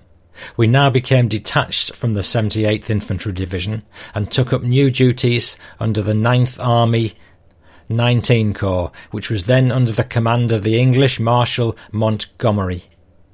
We became attached to the 102nd Cavalry Group and received the mission of being a counter-attacking reserve in this area. Our labours consisted of constructing a series of emplacements protecting the vital communications and supply centre of Rötgen. We built our defences on the high ground in the woods south of the town. We laboured on these positions for four days, digging foxholes and constructing wooden roofs for added protection, giving us a pillbox effect. Our company strength on arrival had been 51 enlisted men and three officers. We now received 10 new men when the battalion recruited volunteers to make up for our previous losses. It was fun to go into the woods and hew and cut down trees. Since the ground was too solid for digging, we blew our holes. All day the cries of Fire in the hole could be heard echoing and re echoing throughout the forest. The loud boom of the explosion as it ripped apart the bowels of the earth gave us the menial task of just throwing out the dirt and stone that remained. New ratings were made by men who'd proven their leadership ability under actual combat conditions. The new men of the company earned the right to take their respective places in the outfit. At an informal ceremony at Corps headquarters in town, the second platoon leader and several other men received the Bronze Star from the CG for their outstanding labours in the Brest campaign. There was a lot of congratulations and backslapping during our short stay here. Our trying experiences of the past were being buried by the pleasantness of the present and the brightness of the future.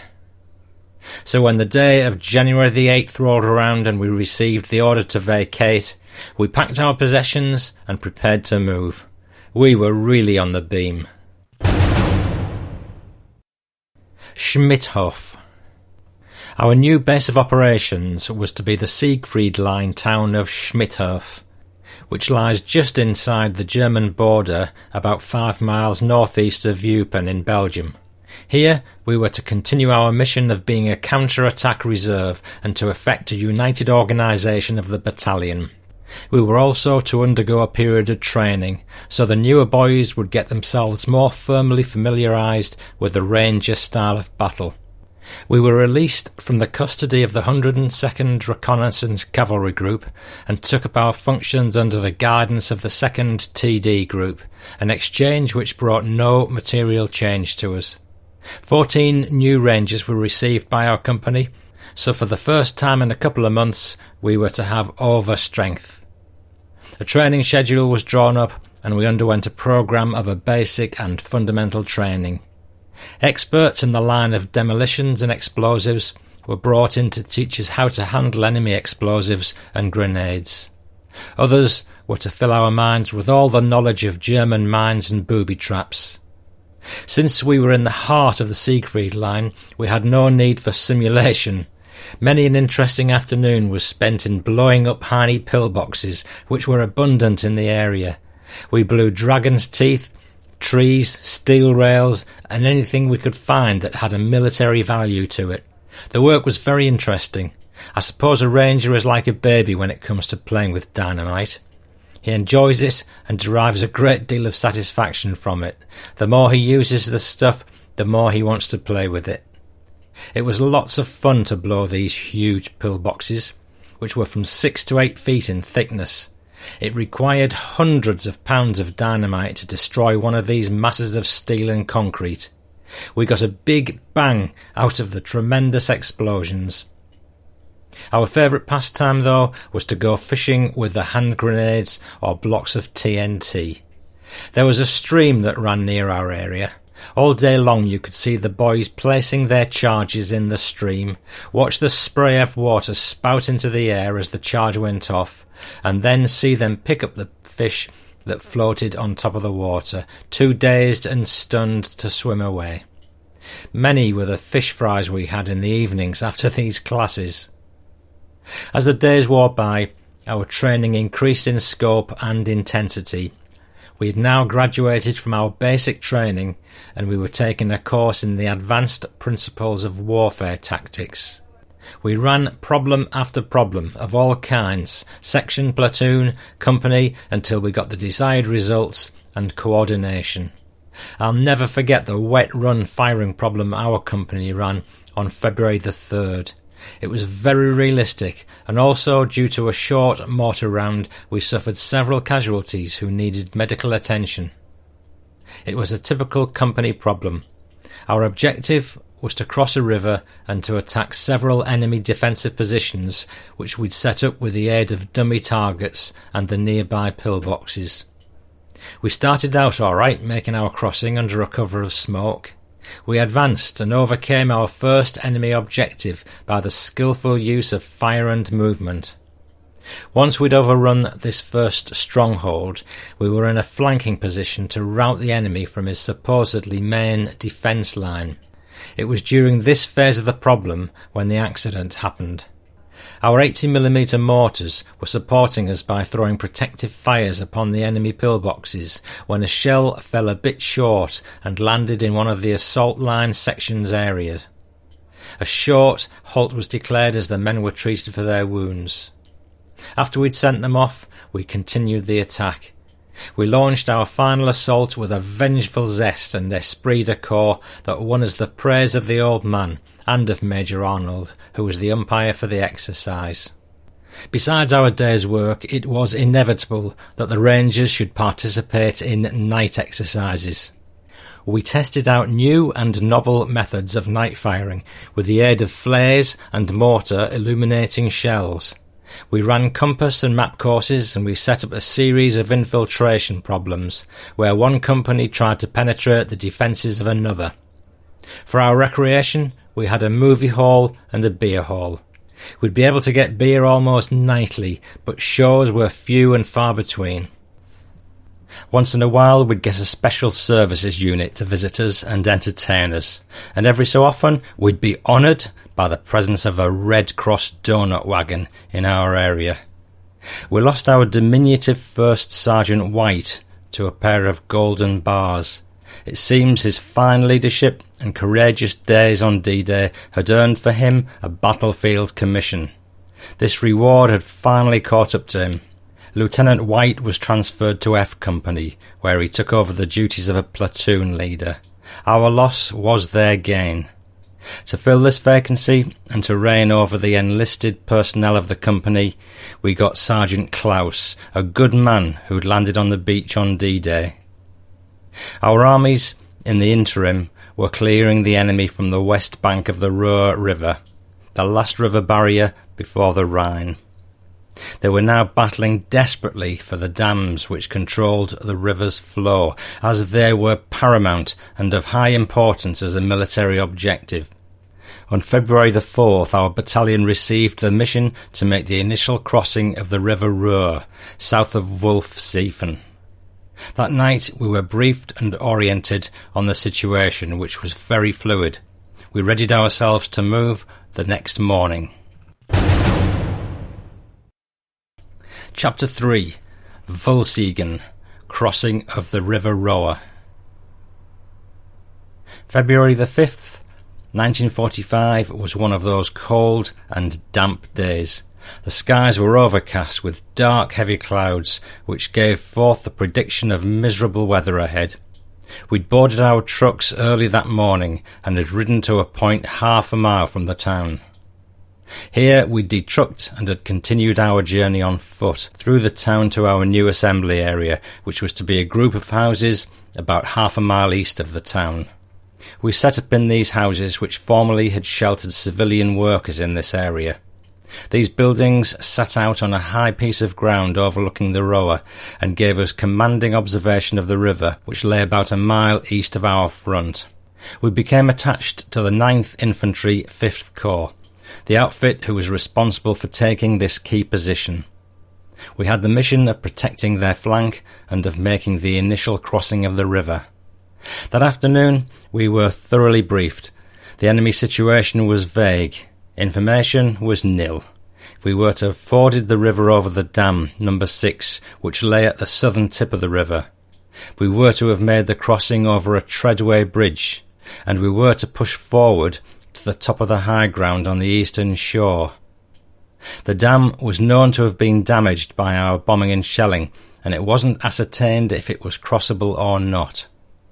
We also had an alternative plan where we'd actually wade the river just in case we couldn't make it across the dam. This was to be a night job, and we were to make the attack under the cover of darkness, with surprise being our chief element for success. Our artillery was incessantly hammering away at the Heinies' positions on the eastern bank. Shell after shell found its mark into the known enemy positions. Enemy counter battery was negligible, and none landed in our immediate area. All that afternoon we sweated out a slight drizzle. We rehearsed our plan of attack over and over again. We learned our individual roles so well that we could have pulled the job blindfolded. That evening, a patrol was sent out to reconnoitre the condition of the dam and to gain information concerning the flow of the river. They were also to find a shallow crossing point and to make arrangement with friendly troops concerning the crossing. They accomplished their mission and brought back all the desired information. The dam was found to be too damaged for a crossing. They'd also arranged with the friendly units to give us protective fire during our crossing. We were now all set to pull the job, but a last minute cancellation and postponement gave us a 24 hour lease of life, so we relaxed and prepared to get a good night's sleep and get it over with on the following night. We set up a defensive position about 200 yards to our front. We put out guards to keep our immediate area under surveillance, while the rest of us said our good nights and retired to our boudoirs to hit the hay, literally speaking, as our beds consisted of hay strewn on the ground, covered by our blankets. The next morning, found us alerted for the task on hand. The weather had taken a decided turn for the better. We thought surely that this day could be it. We rehearsed and went over all our battle plans and tactics. We checked and rechecked our equipment and made sure that everything was all set and ready. We scanned the enemy's side of the river and watched as our artillery unmercifully hammered away at their positions. Some return fire did fall into our area, but no casualties were sustained. The day passed uneventfully. We ate a good hot chow for supper. We once more donned our battle equipment in preparation to make the crossing. Again, a last minute's cancellation intervened in our going out. So we unpacked, cursed the fates which were causing all these nuisances, and prepared to spend another night here. The same defensive outposts were set up as the night before. We all went to our private nooks and crannies and tried to make the best of the situation which confronted us. So we went to sleep and erased the thought of combat from our minds and dreamt of better things and better times to come. The next morning, February the 8th, the entire project was called off for the time being. No definite reason was given, and even today I haven't the slightest idea why the job was called off. We pulled out of our forward assembly area and retraced our footsteps by travelling back through the town of Wollseifen, down the side of one hill and up and over a bigger one. We reached our waiting vehicles and then trucked here.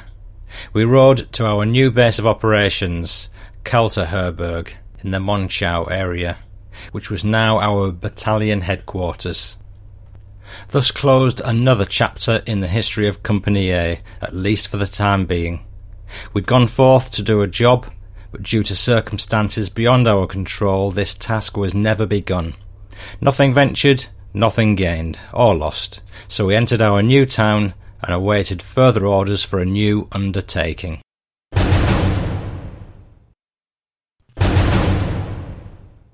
Kalterherberg. Kalterherberg at one time may have been a beautiful mountain resort, who knows? But now, having been exchanged three times during the present conflict, the town was a heap of rubble and a mess of houses. One company managed to find a couple of houses that were fairly habitable. They were terribly filthy inside. Our first job here was cleaning and dusting. We hauled junk and trash all day long from these billets.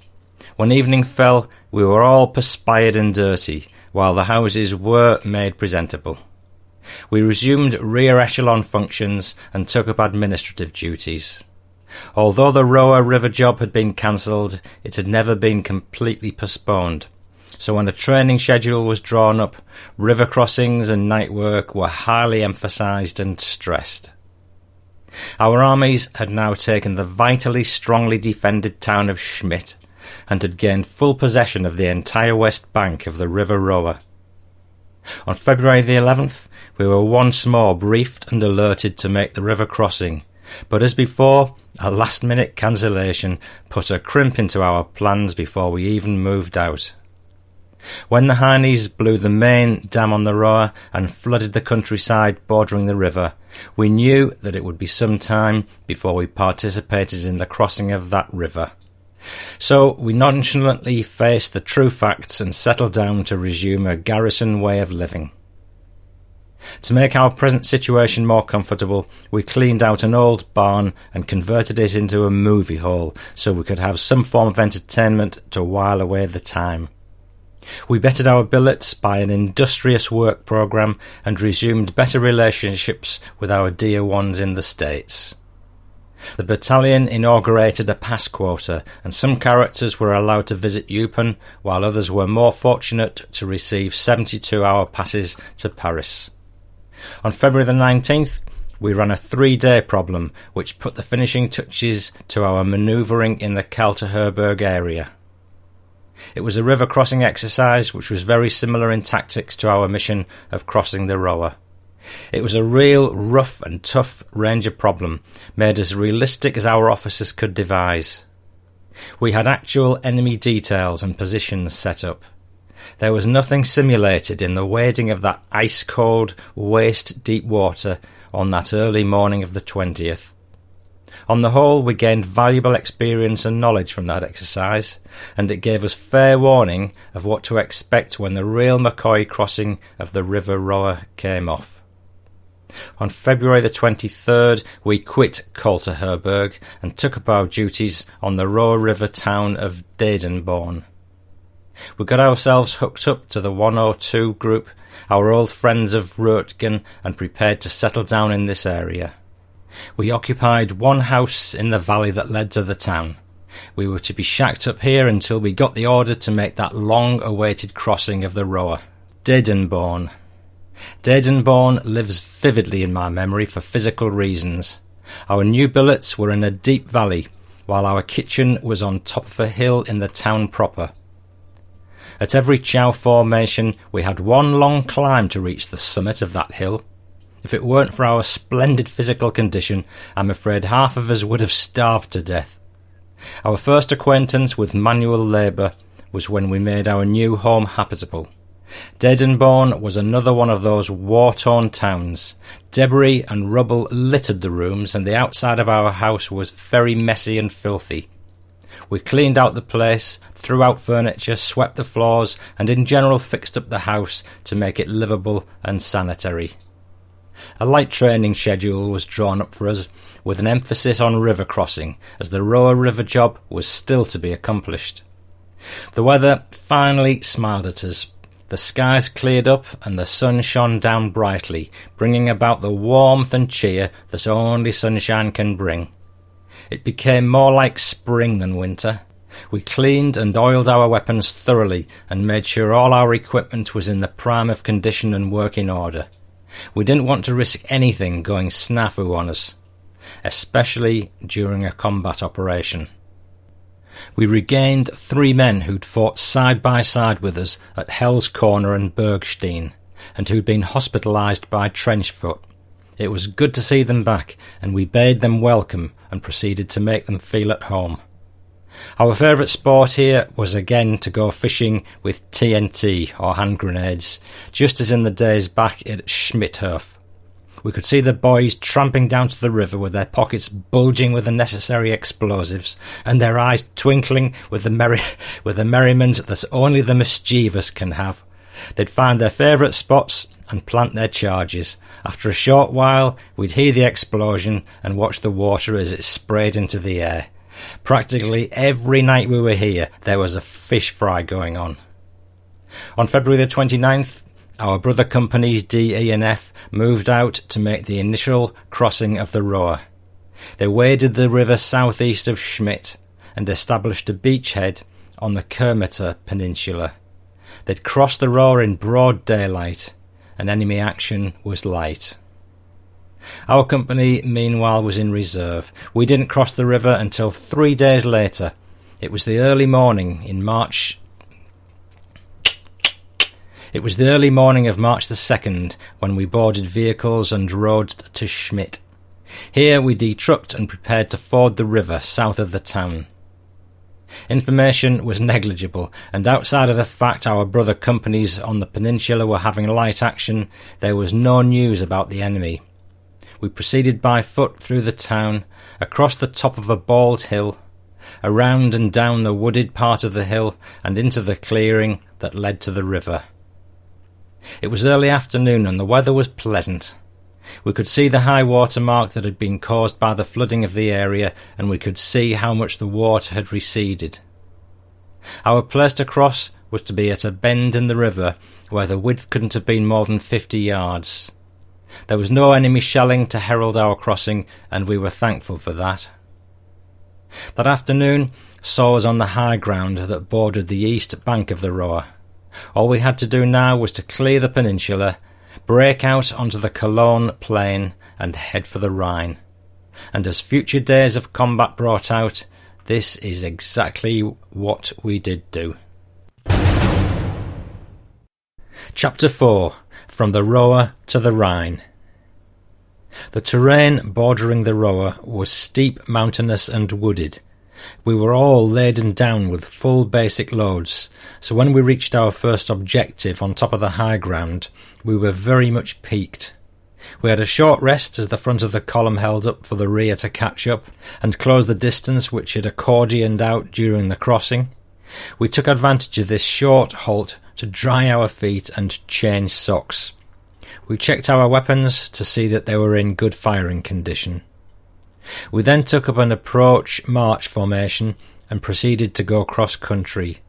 Enemy action was missing, but the passive resistance in the form of mines and booby traps were very much present. Great care and caution had to be taken to avoid this unseen menace. We were quite fortunate that our company didn't sustain any casualties. After a while of rugged marching over this mountainous and wooded ground, it was decided to conform to the road. It was becoming physically unbearable to maintain our advance on this cross country march. A decided change in the weather for the worst found us battling our way through a light snowstorm that was turning the road into a cesspool of mud. We finally contacted our brother ranger companies, who were set up in a defensive position and who were in control of the main crossroad on the peninsula. It seemed as though they'd pushed out and expanded their beachhead in this area to about three miles. They'd held up so that we could continue the drive by pushing through their positions. We were forced to abandon the road since mines and booby traps literally covered every inch of the ground. Again we proceeded to go cross country, guided by the road. The snowfall had abated by now, but clouds still hung dark and heavy. We contacted the left flank of the 78th Division and held up as formal arrangements were made between their and our officers. Till now there hadn't been any enemy action, but now during our halt an enemy mortar opened up on us. A shell struck a tree, causing an airburst. We suffered our first casualty from the shrapnel that whizzed by. A Heinie machine gun, which opened upon C Company, who were on our right flank, caused a death there. In retaliation, our forward elements wiped this nest out. More mortar shells landed in our area, but no one was hurt. In a duel between their artillery and ours, we came out the victors as the enemy's firing ceased. We continued our advance until we got the orders to hold up. We were on the high ground in the forest about two miles west of Heimbach. We took up positions on the left flank of the 78th. Our battalion, it appears, was sandwiched between the 2nd and 78th Divisions, acting as a connecting file. We held up here while we awaited further orders, depending on the results of the infantry units whose flanks we were protecting. When no new commands came down to us, we took up a defensive position and rested up for the time being. Our area was full of Heinie log cabins, these cabins gave ample evidence of the recentness of the Heinies leaving. We had to be extremely careful since mines and booby traps were all over. We tested these structures and found them free of these devices. We fixed up the cabins with the field expedients on hand and proceeded to spend the night in these woods. Enemy activity was negligible in our area. Our other companies, though, picked up a few Heinies that night. Our company was untroubled by these nuisances. The next morning we sent out reconnaissance patrols to search out and clear our front and to bring back all enemy data they could uncover. No physical contact was made with the enemy by our patrols. All information brought back was of a negative nature. The only thing found was the signs of the enemy having been here very recently, and that their departure had not been more than several hours past. Again, we took up the approach march formation and took off in pursuit of the enemy. Our advance was continually halted by enemy minefields. The ruggedness of the terrain was a handicap that even the hardy of us could hardly overcome. Engineers who were following us up were having a field day blowing and neutralizing the mined roads. Tanks and vehicles dogged the heels of these combat engineers and were waiting patiently for the signal for clearance. Enemy resistance on the whole was very light. Occasionally they'd throw a few shells at us, but they didn't do any damage. We picked up a few prisoners as we overran an enemy position which had been left behind as rear guard. Not much activity. The thing which hampered our advance most was the infernal mines and booby traps. We couldn't take an unwary step on the road or cross country because of mines. It was miraculous that our company escaped injury from this form of enemy ingenuity. At one time, we had to halt our advance to let the engineers proceed to clear a path. We presented a funny sight as we were all grouped about tanks, infantry, engineers, and ourselves. I hate to think what the results would have been if a mine which perhaps had been overlooked should accidentally have been set off. I had the gruesome experience of seeing some minutes previously the result of what did happen to a doughboy from the second division when he stepped on one of these contraptions, and believe me, it was not pleasant. Darkness was falling quickly over us. Our physical advance for the day couldn't have been over two miles, yet it had taken us several hours to cover this distance. We took up positions in a wooded area off the main road, about one half mile northwest of Wolfgarten. The Kermeter Peninsula was now entirely cleared of enemy. We'd accomplished our mission in good style and order, and set up a defensive position to wait for further orders. For the first time in forty eight hours, we were to get hot chow. Thanks to some excellent footwork by a carrying party, we were able to partake in our first decent meal since our crossing of the river. Originally, our chow was to be brought in by vehicles, but when our truck was blown up by a teller mine, it was necessary to get our feed by foot. We'd prepared to bed down for the night after chow since we'd undergone a strenuous day. Many of us had already fallen asleep when word came down to us to move to the rear. It must have been about one o'clock in the morning, and we donned our equipment, bitched and cursed under our breaths, and prepared to move back. For two and a half hours we trudged back. We were tired and miserable. The cold rain and snow which fell didn't do our spirits any good. We finally reached our rear assembly point, where we met up with and married that ground outfit, the 38th Cavalry, with whom we were to fight side by side till VE Day. We broke open our rolls, threw our blankets on the ground, buddied up with our neighbour and said to hell with everything, especially the weather, and took off for Slumberland.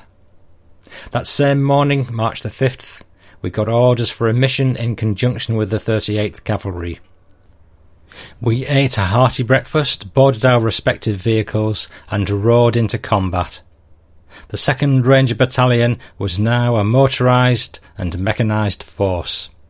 We'd come through the first phase of our Roer to Rhine campaign in splendid order.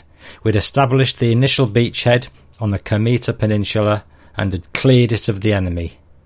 Although our contact with the enemy had been of a small nature, we had to overcome the obstacle of the most rugged terrain we'd ever encountered. The ever present menace of hidden death, buried in the earth, had been carefully and skilfully avoided. Now we were ready to take off in pursuit of the enemy, to strike him wherever and whenever possible, and to bring the curtain down on the final act of the most historical play in the drama of the world. March the 5th to Machos. Before our advent of the crossing of the Roer, all our gains had been measured in inches and yards. Now we'd broken out into the Cologne plains. We were no longer the foot sloggers and doughboys of the Siegfried line. We were motorised and destined to race across these wide open spaces, advancing many miles in every attempt.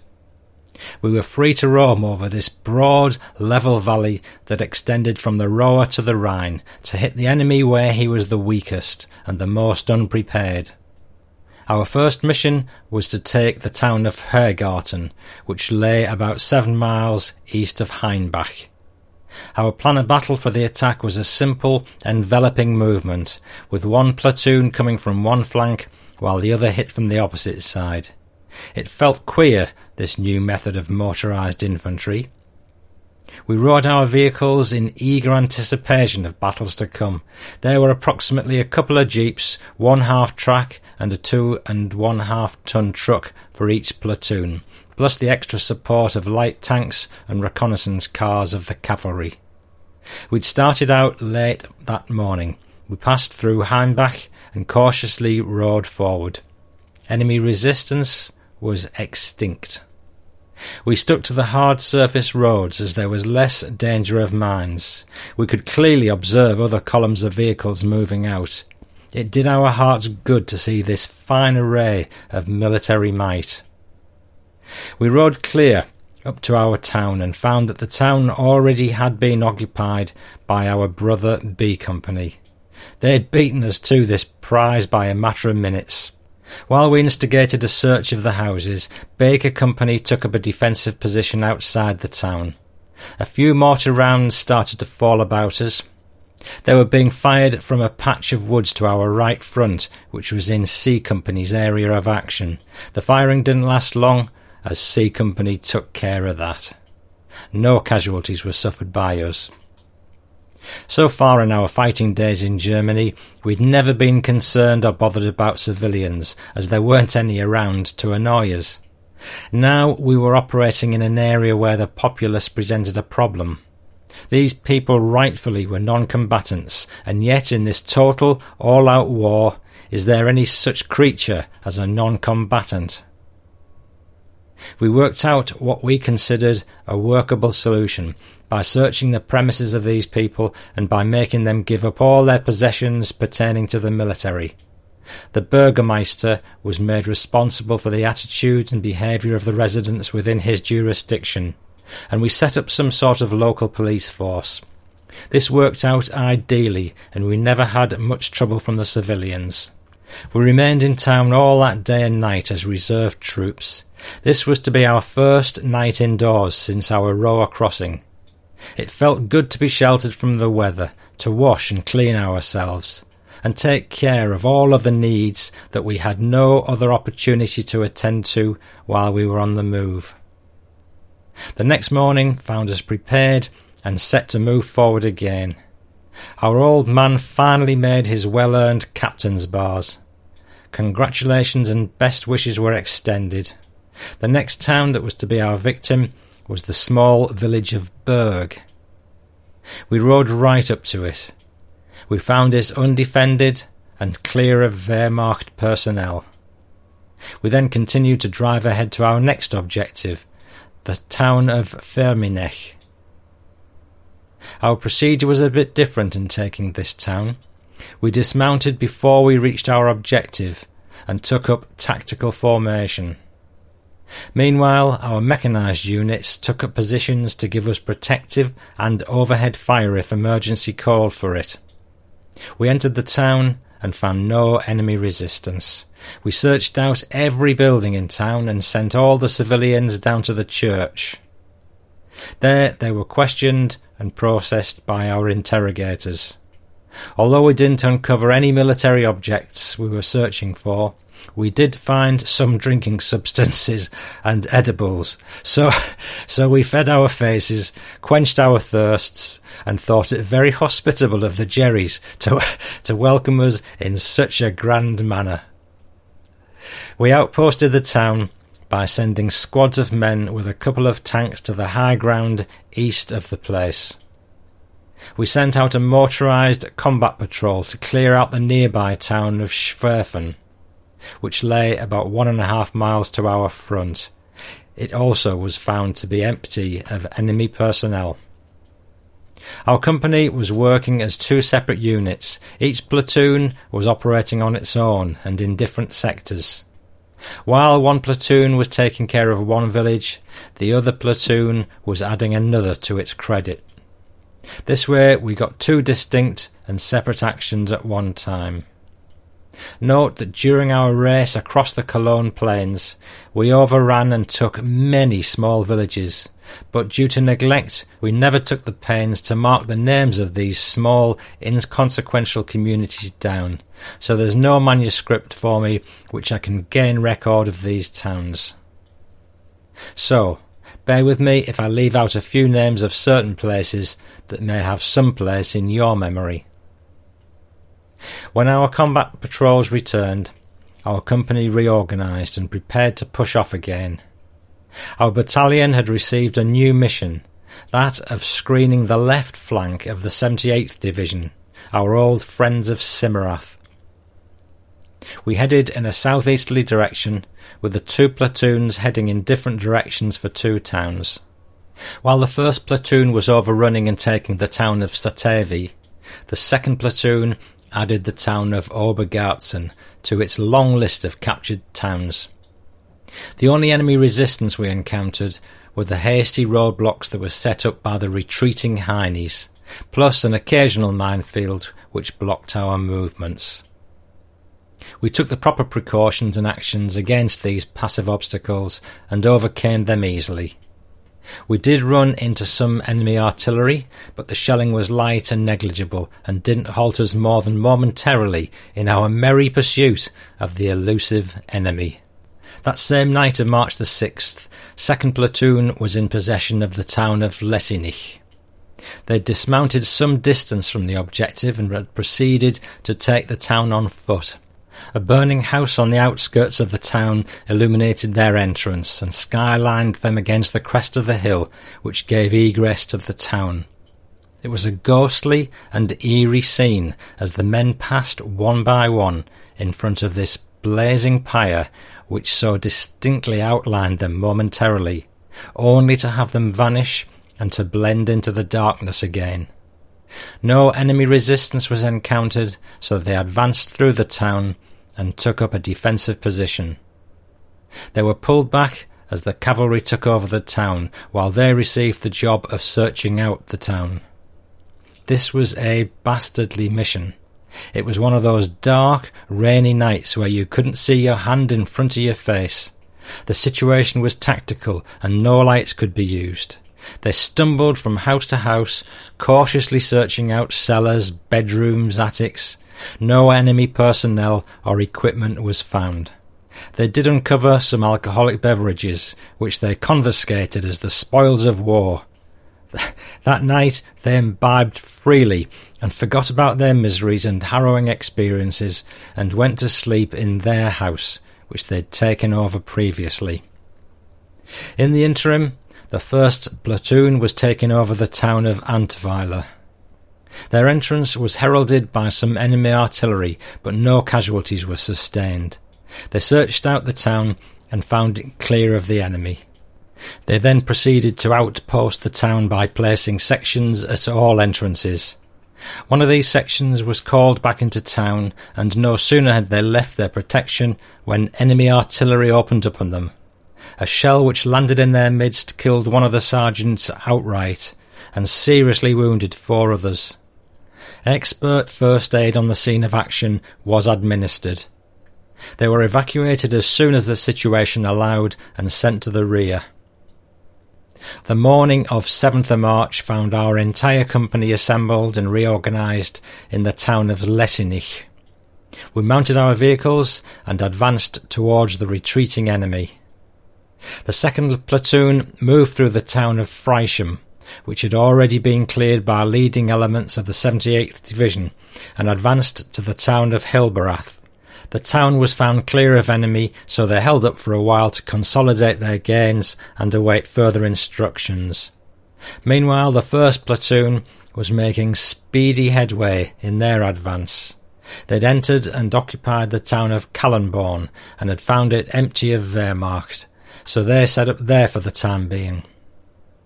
That same evening, the first platoon moved out to take the small town of Dietz. Enemy shelling greeted them and forced them to take certain measures of precaution. After the shelling, they formed and pressed their way forward, and this time they were welcomed by the hail of hot lead, fired from an enemy machine gun from a defensive position in town. Tommy guns and M1s replied. Automatic weapons chimed in, and the enemy was forced to holler, Kamerad! They killed four Jerrys and captured five, while no harm was done to them. A typical Ranger action with a typical Ranger finish. That evening, the second platoon received the mission of clearing out a known Harney position in the woods on the outskirts of their town. They proceeded to scour the area.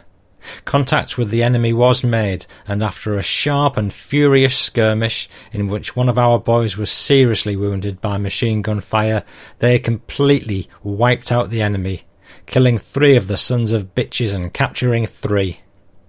That night saw the second platoon moving again. They advanced again across country to the town of Vischel. Here they're held up as darkness and the ruggedness of the terrain in this area, plus their exhausting ordeal of the day, limited further actions on their part. A contact patrol was sent out, but due to the above mentioned facts, this mission wasn't completed. But our communications gained us the wanted results, so that all in all we gained what we sought. The next morning we were on the march again. The next town about to feel the wrath and fury of the Rangers was to be the grape growing centre of Mayschoss. It was a fairly large town, situated in the vineyard region halfway between the Roer and the Rhine. The countryside here was vastly different from the broad, level plain we'd been operating on. It was mountainous and wooded, with massive forests and dense underbush covering the tops of these majestic mountains, while vineyards covered all the bald spots on the sides of the hills. Our plan of attack was to go cross country with one platoon entering the front of the town while the other platoon swung around and attacked from the rear. Our intelligence had informed us that known enemy troops were in the area, but that the number was unknown. So when we attacked, we were fully prepared and expected a battle. While the first platoon went cross country and hit the town from the rear, the second platoon hit the town on the front. The terrain was ideally suitable for the defence. There were many key features that could have held off the attackers very easily, as we couldn't have brought to bear our mechanised forces. Both platoons advanced boldly and aggressively, taking advantage of all the natural cover and concealment. No enemy resistance was encountered. We took over the town and instigated a thorough search of the place. We found sixty defending Germans sitting nonchalantly. we found sixty defending Germans sitting nonchalantly in the town's hotel and cafes, calmly drinking their beers and taking life easy. They decided to call it quits and were awaiting our arrival. We took these characters into custody and set up a defensive position about the bridge and railroad tunnels that ran alongside the town. This was to be our final and decisive action in our in our Roer to the Rhine campaign. We held up here and stayed at Mayschoss until we received the orders to cross the Rhine. Ah, oh, dear. That was worth recording. Moving on. It had been adventurous and exciting to have worked with the cavalry. It had been less tiresome and exhausting to ride than to walk. It had been convenient in carrying our equipment and rations and loot which fell into our possessions. It had been more advantageous tactically to strike the enemy so fast and so hard and to attack him from such unexpected quarters. And it had been especially pleasant to have worked with the splendid fighting men of this cavalry outfit. There were no arguments or bickering. We hit off swell. I feel that I must take this time to pay these gallant soldiers a tribute, especially to the men of A Troop. I wish to thank them for the keen, close support and the aid they gave us for the friendly and unselfish manner they treated us, for the gallantry and bravery in fighting side by side with us, and for the sharing of the dangers and untold miseries along with us. We Rangers have been honoured and privileged by having had their presence and loyalty in our war against totalitarianism. Mayschoss while we held up here for a reorganisation and consolidation, our noble armies continued the drive for the Rhine. They were relentlessly hammering away at the retreating enemy, causing him heavy casualties and destruction. The German defences between the two rivers was disintegrating, and our strength was unceasingly pursuing and taking advantage of the enemy's plight.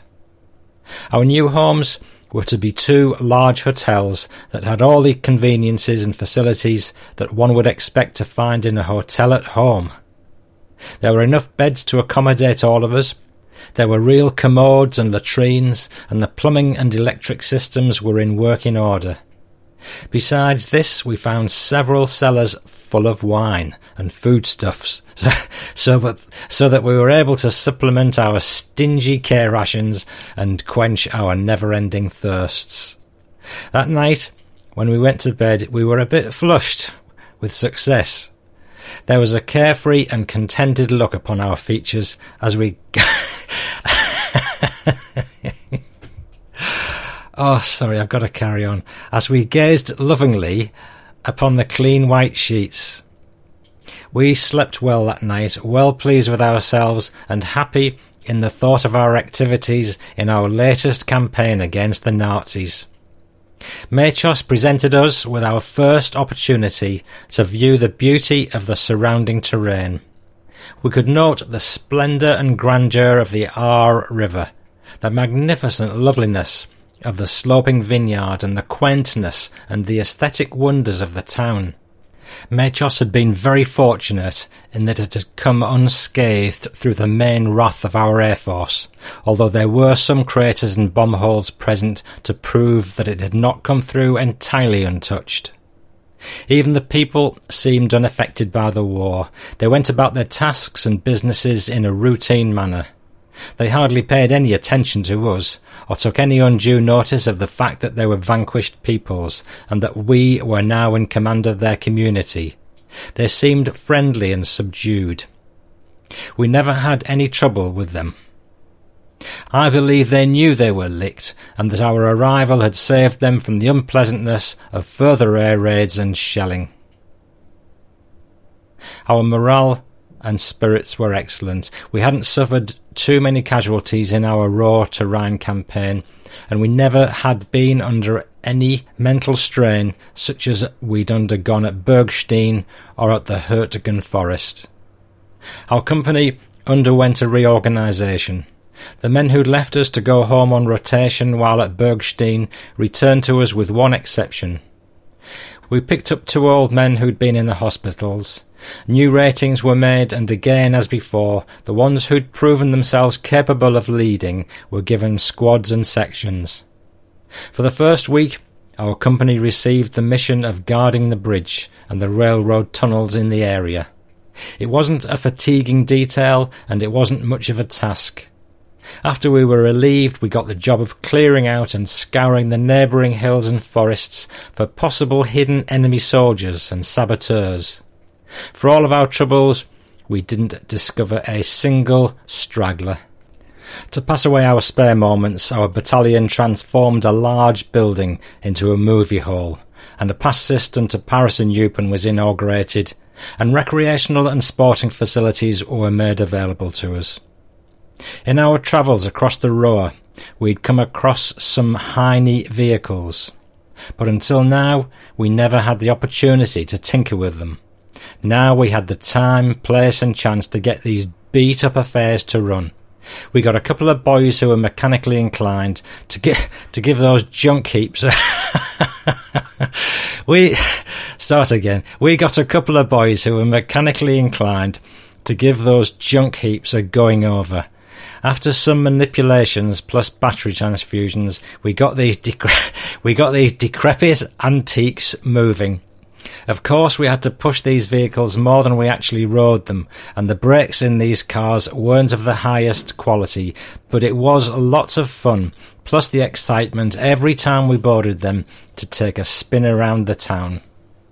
The question of fraternisation reared its ugly head in this place. So far, we'd been in places in Germany where the civilians were negligible, but in Mayschoss there were many fair and tempting Frauleins that made a young man's heart skip a beat. It was only natural and human that some of the love-starved rangers who were romantically inclined would hold clandestine and illegal rendezvous with those German maidens. Our armies had now entered the heart of the Third Reich. The Remagen beachhead had been established, and all German troops had been cleared from the west bank of the Rhine. Supplies, vehicles, ammunition, and guns were constantly being poured into our expanding beachhead, and our giant military forces were exploiting their gains. It was under this setting that our battalion received the order to move across the Rhine on the eventful day of March the 26th. 1945. That morning saw us in full preparedness to board our vehicles and take up arms against the Heine once more. We were now entering the final phase of the war. We'd come a long way since that first day of the invasion. We'd fought many rounds with the enemy, and we'd softened him up for this forthcoming knockout blow. The end, which had seemed so far away in the opening battle, was now looming over the distant horizon. That elusive day of victory was now just a matter of time away, and we were to achieve this triumph in only a short period. But only after some of the most hectic and furious battles were fought and bucketfuls of blood shed.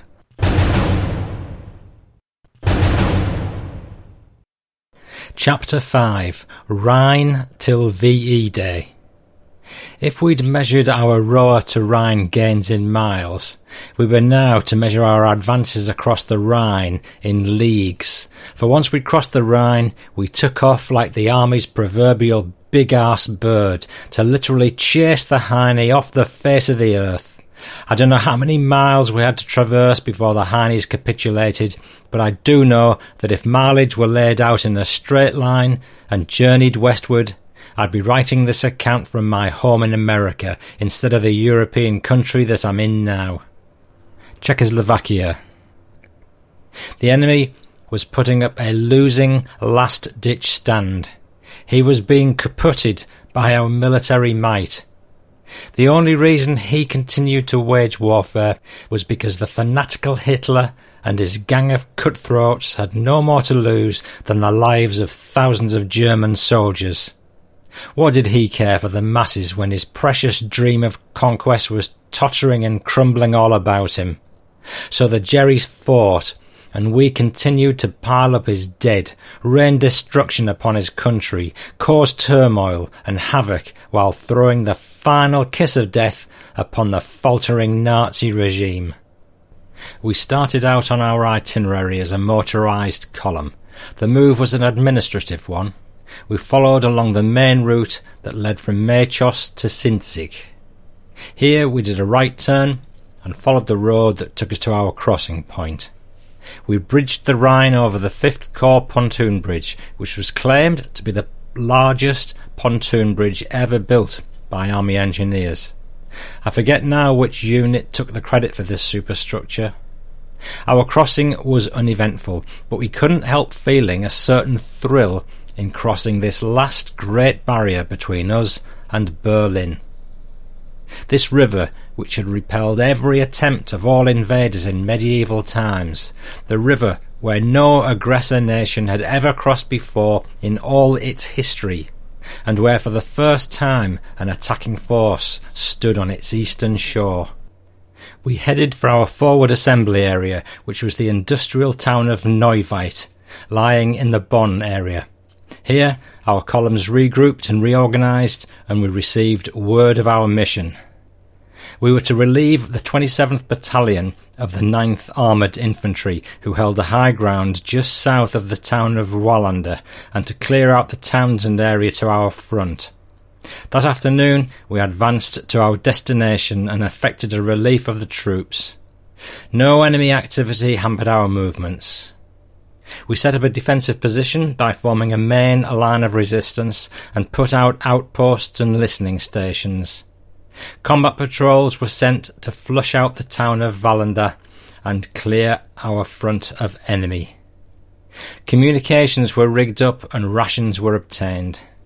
Our patrols returned with word that no enemy was to our front. We remained all night in these positions. No enemy activity was encountered. The next morning found us prepared and ready to roll again. We boarded our respective vehicles and rode through the undefended towns of Simmern, Immendorf, and Amberg. We picked up one enemy straggler while on this march, and he was dejectedly walking down the road, unarmed and unconscious of where he was heading. We got rid of him at the first opportunity. Our destination for that day was the town of Pfalzapfel, which lay a good distance away from our point of origin. We entered the town and found it free of the enemy. We took up a defensive position on the high ground southeast of the town and prepared to spend the night. Our combat patrols and reconnaissance patrols worked a good distance to our front, but no contact was made with the enemy. That morning of the 28th, found us on the go again. Our armies were really driving forward at a rate unheard of before in military annals. We had to do some hard pushing to keep abreast with them. Our next mission was to relieve elements of the 9th Armoured Infantry, which held the vital ground southeast of the town of Dietz. That afternoon we crossed the Lahn River on foot and effected the relief. Again, we set up a defensive position and sent out patrols to clear out the area to the front. One of these patrols did contact the enemy. They got two POWs for their efforts. That same afternoon, we made contact with the leading units of the Third Army. We were the first elements of the First Army to reach the Third Army. That meant a joining of these two great units had been effected, and that we held an unbroken and continuous line of the east bank of the Rhine. That night, after three days and nights of constant pushing, we were relieved. We recrossed the Lahn River and took up reserve positions in the town. We secured two houses for our company and prepared to get some sleep. We ate our first hot chow here, cleaned and refreshed ourselves, looked after our weapons and equipment, and took care of the minor details that had escaped our attention previously. The next morning saw us moving again. After a monotonous haul of some thirty miles, we found ourselves occupying the town of Fritzlar. We took over the town and found it free of enemy. We received a new mission of screening and protecting the right flank of Five Corps and proceeded to carry out this task by moving to the neighbouring town of Lohn. The situation in this part of the country was very fluid. Although most of the immediate area was in our hands, cut-off Heinies were a grave problem confronting us. Infiltrating groups and active saboteurs were constantly harassing us, so that it necessitated these systematic roadblocks and control points. We personally checked over all vehicles and personnel, both civilian and military, and made sure that their identifications were in order. That same night saw the 1st Platoon set up a new CP and check station in the town of Merxhausen, while the town of Sanday became the new base of operations for the 2nd Platoon. April the 2nd saw our motorised patrols taking over the neighbouring towns of Balhorn, Breitenbach, Elmshagen, and Niedenstein. No resistance was met and no jerrys were picked up, but to atone for this lack of military personnel, good hauls were made in the spoils of war. Such handy materials as flags, cameras, knives, swords, and pistols fell into our hands. We also returned with basketfuls of eggs, bread, and other food ransacked from the cellars of the jerrys. In the interim, foot patrols were searching and seeking out hidden enemy in the dense woods on the outskirts of Sanday. For all their physical exertion, they didn't get a single Heine. We had a pleasant setup in our new roles as check-in agents, with nice billets, comfortable beds, plenty to eat and drink. Then there was the matter of displaced persons. These foreign refugees had been slaves to the Nazis. They were billeted in shabby and crowded barracks in the town of Sanday. Among them were beaucoup Fraulein who were very attractive and attentive to our advances. I'm afraid that even though it was against the rules of non fraternization to converse with them, some of our boys did have certain relationships with these girls. It's not for me to say whether that was wrong or right, but I'm sure whenever it did occur, it was only due to a human need that the conventional laws of both civilian and military has never been able to halt. The next day found us on the same job. Besides our tasks of uncovering Nazi personnel disguised as civilians, we checked more passports, trip tickets, and identifications than Carter has liver pills. we found ourselves entangled in civilian problems, which we handled very diplomatically. We firmly but politely told these ex-Nazi lovers where to go and gave them very direct orders and specific directions of how to get there. I'm afraid that these Germans would have had a very red and embarrassed look on their faces had they been able to had they been able to comprehend us. We picked up a few stragglers on the following day. They'd just walked up and given themselves up. A motorised patrol which sent to the town of Weimar to contact a friendly unit got themselves a couple more prisoners without a struggle. These birds were sent to a rear cage and processed there. That afternoon, enemy air activity was sighted. A group of planes resembling our P 51s were seen flying at treetop level over our respective towns.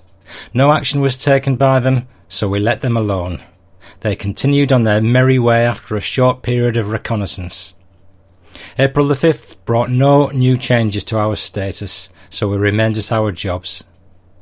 Another Heine straggler was picked up when he calmly walked out and gave himself up. More motorised patrols were sent out, but no contact with the enemy was made. On April the 6th, we lost Lieutenant Porubsky, not as a war casualty, but as a matrimonial victim to an army nurse. It appears that the lieutenant had gotten himself engaged when he was back in Schmidthof. Now, after a couple of months of waiting, he finally had received the permission to marry the girl. That day saw him nervously packing his belongings and throwing them on a jeep which awaited him. That night we had one bachelor less in the company. Congratulations and best wishes, Lieutenant. May happiness and health follow your every footstep throughout your journey of life, and may your marriage bring you the bliss and enjoyment you do rightfully earn for yourself. That same day, a motorised patrol was sent out to the town of Landwehrhagen, north east of Kassel, to contact the forward elements of the 69th. They ran smack into trouble when an enemy SP opened fire on them. Not being a match for this strong enemy force, they withdrew hastily. Outside of the few grey hairs which were added to these fast aging men, no harm was done. The enemy had caught them flat footed. It had only been sheer luck that the German gunnery was poor and inaccurate. For two more days we remained at our stations in Merxhausen and Sanday. We sent out our contact patrols and picked up a few more enemy stragglers. Things were getting dull. We were getting the traveller's itch. So when April the 9th rolled around and we boarded our vehicles, we were only too happy to resume our pursuit of the enemy. Mile after mile, we were to drive forward, unceasingly pursuing the retreating enemy.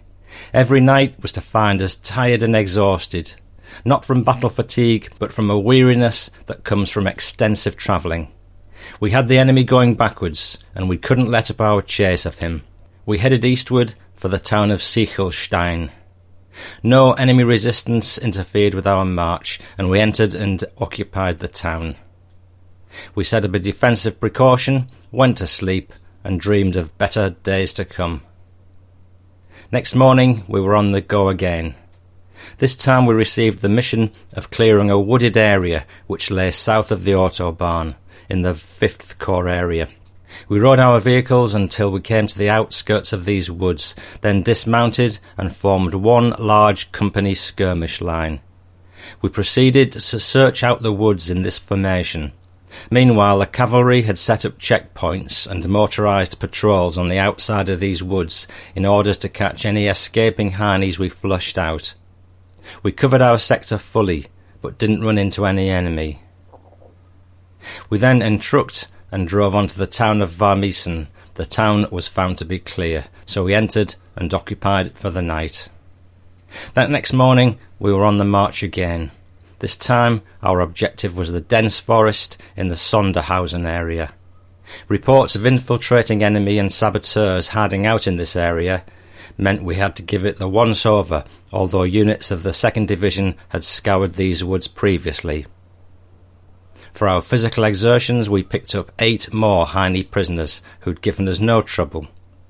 In all of several towns we went through, we found the community undefended and we'd set up our CP and send out the usual patrols. Many Heine prisoners were taken without a struggle.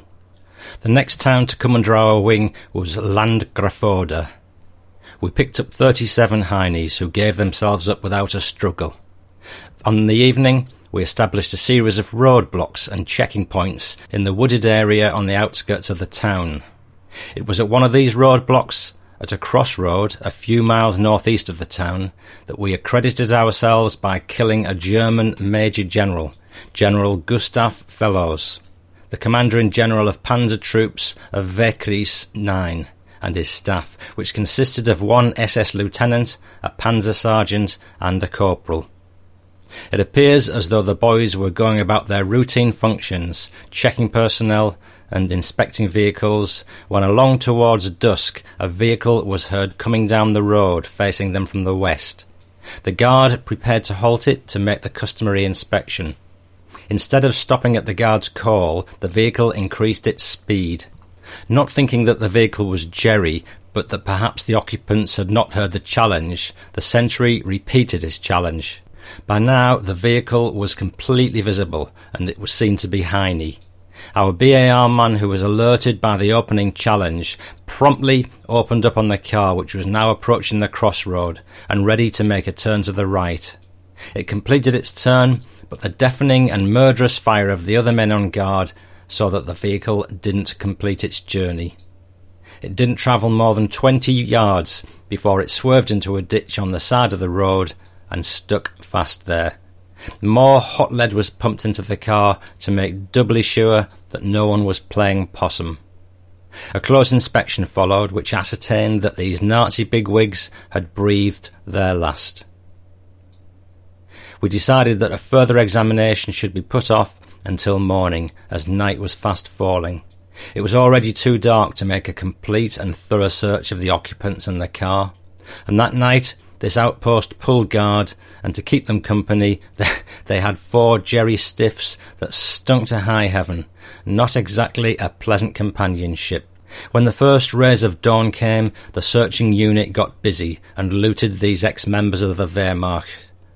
Positive identification was made, proving the fact that we'd got ourselves a general. Invaluable maps and documents were uncovered in his briefcase. For our individual labours of ransacking these dead bodies, we got several pistols, a couple of wristwatches, shoulder insignias, and other souvenirs which the American doughboy is reportedly fighting for. While the general's body was being sent to the rear for a more stately funeral, the rest of the bodies were being laid to rest in a shallow grave dug at the side of the road, where death had overtaken them. The graves were dug by a couple of characters we picked up at the checkpoint.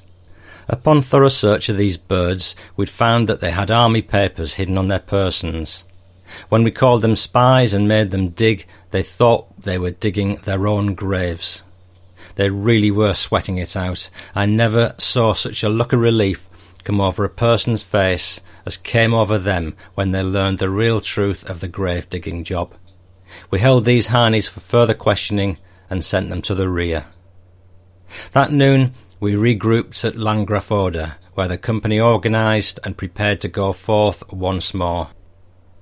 Our company split into two platoons. One occupied Stuten, the other one took over the town of Assendorf, and the company command post was set up in the town of Dornstadt. Active motorised patrols, which covered the surrounding areas, picked up 24 beat up Heinies who'd surrendered to us without putting up a struggle. The patrols returned to their respective towns and spent a quiet night in these villages. During this period, our armies were really driving. Gains of 50 miles were the order of the day. Our poor derrieres were really taking a beating, keeping up with the increased tempo of our fighting forces. The Germans were now in desperate straits. Hundreds of enemy soldiers were deserting, while many others just threw their uniforms away and became civilians. Their armies were being well chewed up and beaten. Yet we had to be wary, as there were too many fanatical and die-hard Nazis who wouldn't stop at anything to cause us trouble. It was those characters whom we were interested in. Since we couldn't tell the difference between the two kinds, we took into custody any suspicious customers that fell into our hands and sent them to the proper authorities who knew more about this subject than we did. We headed due east, passing through the wrecked city of Cassel. We travelled for 50 miles before we reached our destination, then took up a defensive position along the west bank of the Saale River on the outside of Kobethe we established checkpoints and sent out patrols. For our active measures, we picked up five prisoners of war who were thoroughly searched and processed before being sent to the rear.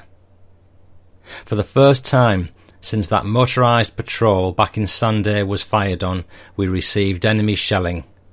Some artillery landed in the first platoon's area, but outside of them seeking safety and dispersal, no physical injuries were sustained.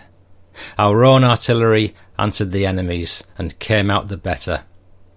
That evening we were alerted on a possible enemy counterattack with the aim of trying to break our defences in this sector, but neither hair nor hide was seen of the Heinies as we sweated out this forthcoming attack of the night.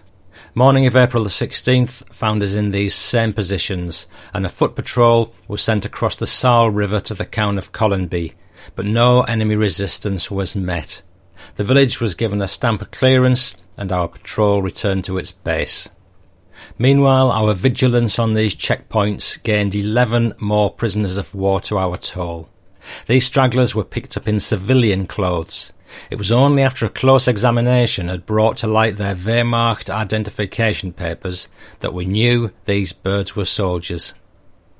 That evening we quit our positions to take up a new one. We headed in a northeasterly direction and entered the towns of Moritz and Dolzig in the oh god sorry in the in the Sh- in the Schkeuditz area. Here we received a similar mission, protecting and blocking the road net in the area. The second platoon set up its outpost in the tunnels under an aqueduct, while the first platoon covered the road net in its vicinity. The night was quietly spent here as no enemy action interfered with our snoozing. The next morning found us in these same positions, with our erstwhile duties of checking civilians and establishing roadblocks. We didn't mind this new form of warfare we were participating in because, due to our active patrolling, our fresh egg supply was inexhaustible. Moreover, our packs, gas masks, and bedrolls were crammed with souvenirs. Thanks to the German wine cellars, we had never had to go thirsty. We were rarely bothered by enemy activity. Our progress was more than satisfactory, and we were doing more than our share in overrunning the towns, villages, and communities on our way. Our prisoner of war bag was daily increasing, and our activity in patrolling had opened many a road and main route for supplies to our rear echelon columns. We were working as a swell fighting unit and our constant watchfulness and alertness had rewarded us many times in limiting the operations of saboteurs and enemy agents in our sector of action. We were going strong, and we were proud of it. All that morning and night saw us in these same positions. The next day, a foot patrol was sent to the city of Schkeuditz. They entered the place and found it undefended, but occupied by fourteen Heinies, none of whom wanted to fight any more. The Jerrys were brought back and sent to the rear, while our patrol took over the city.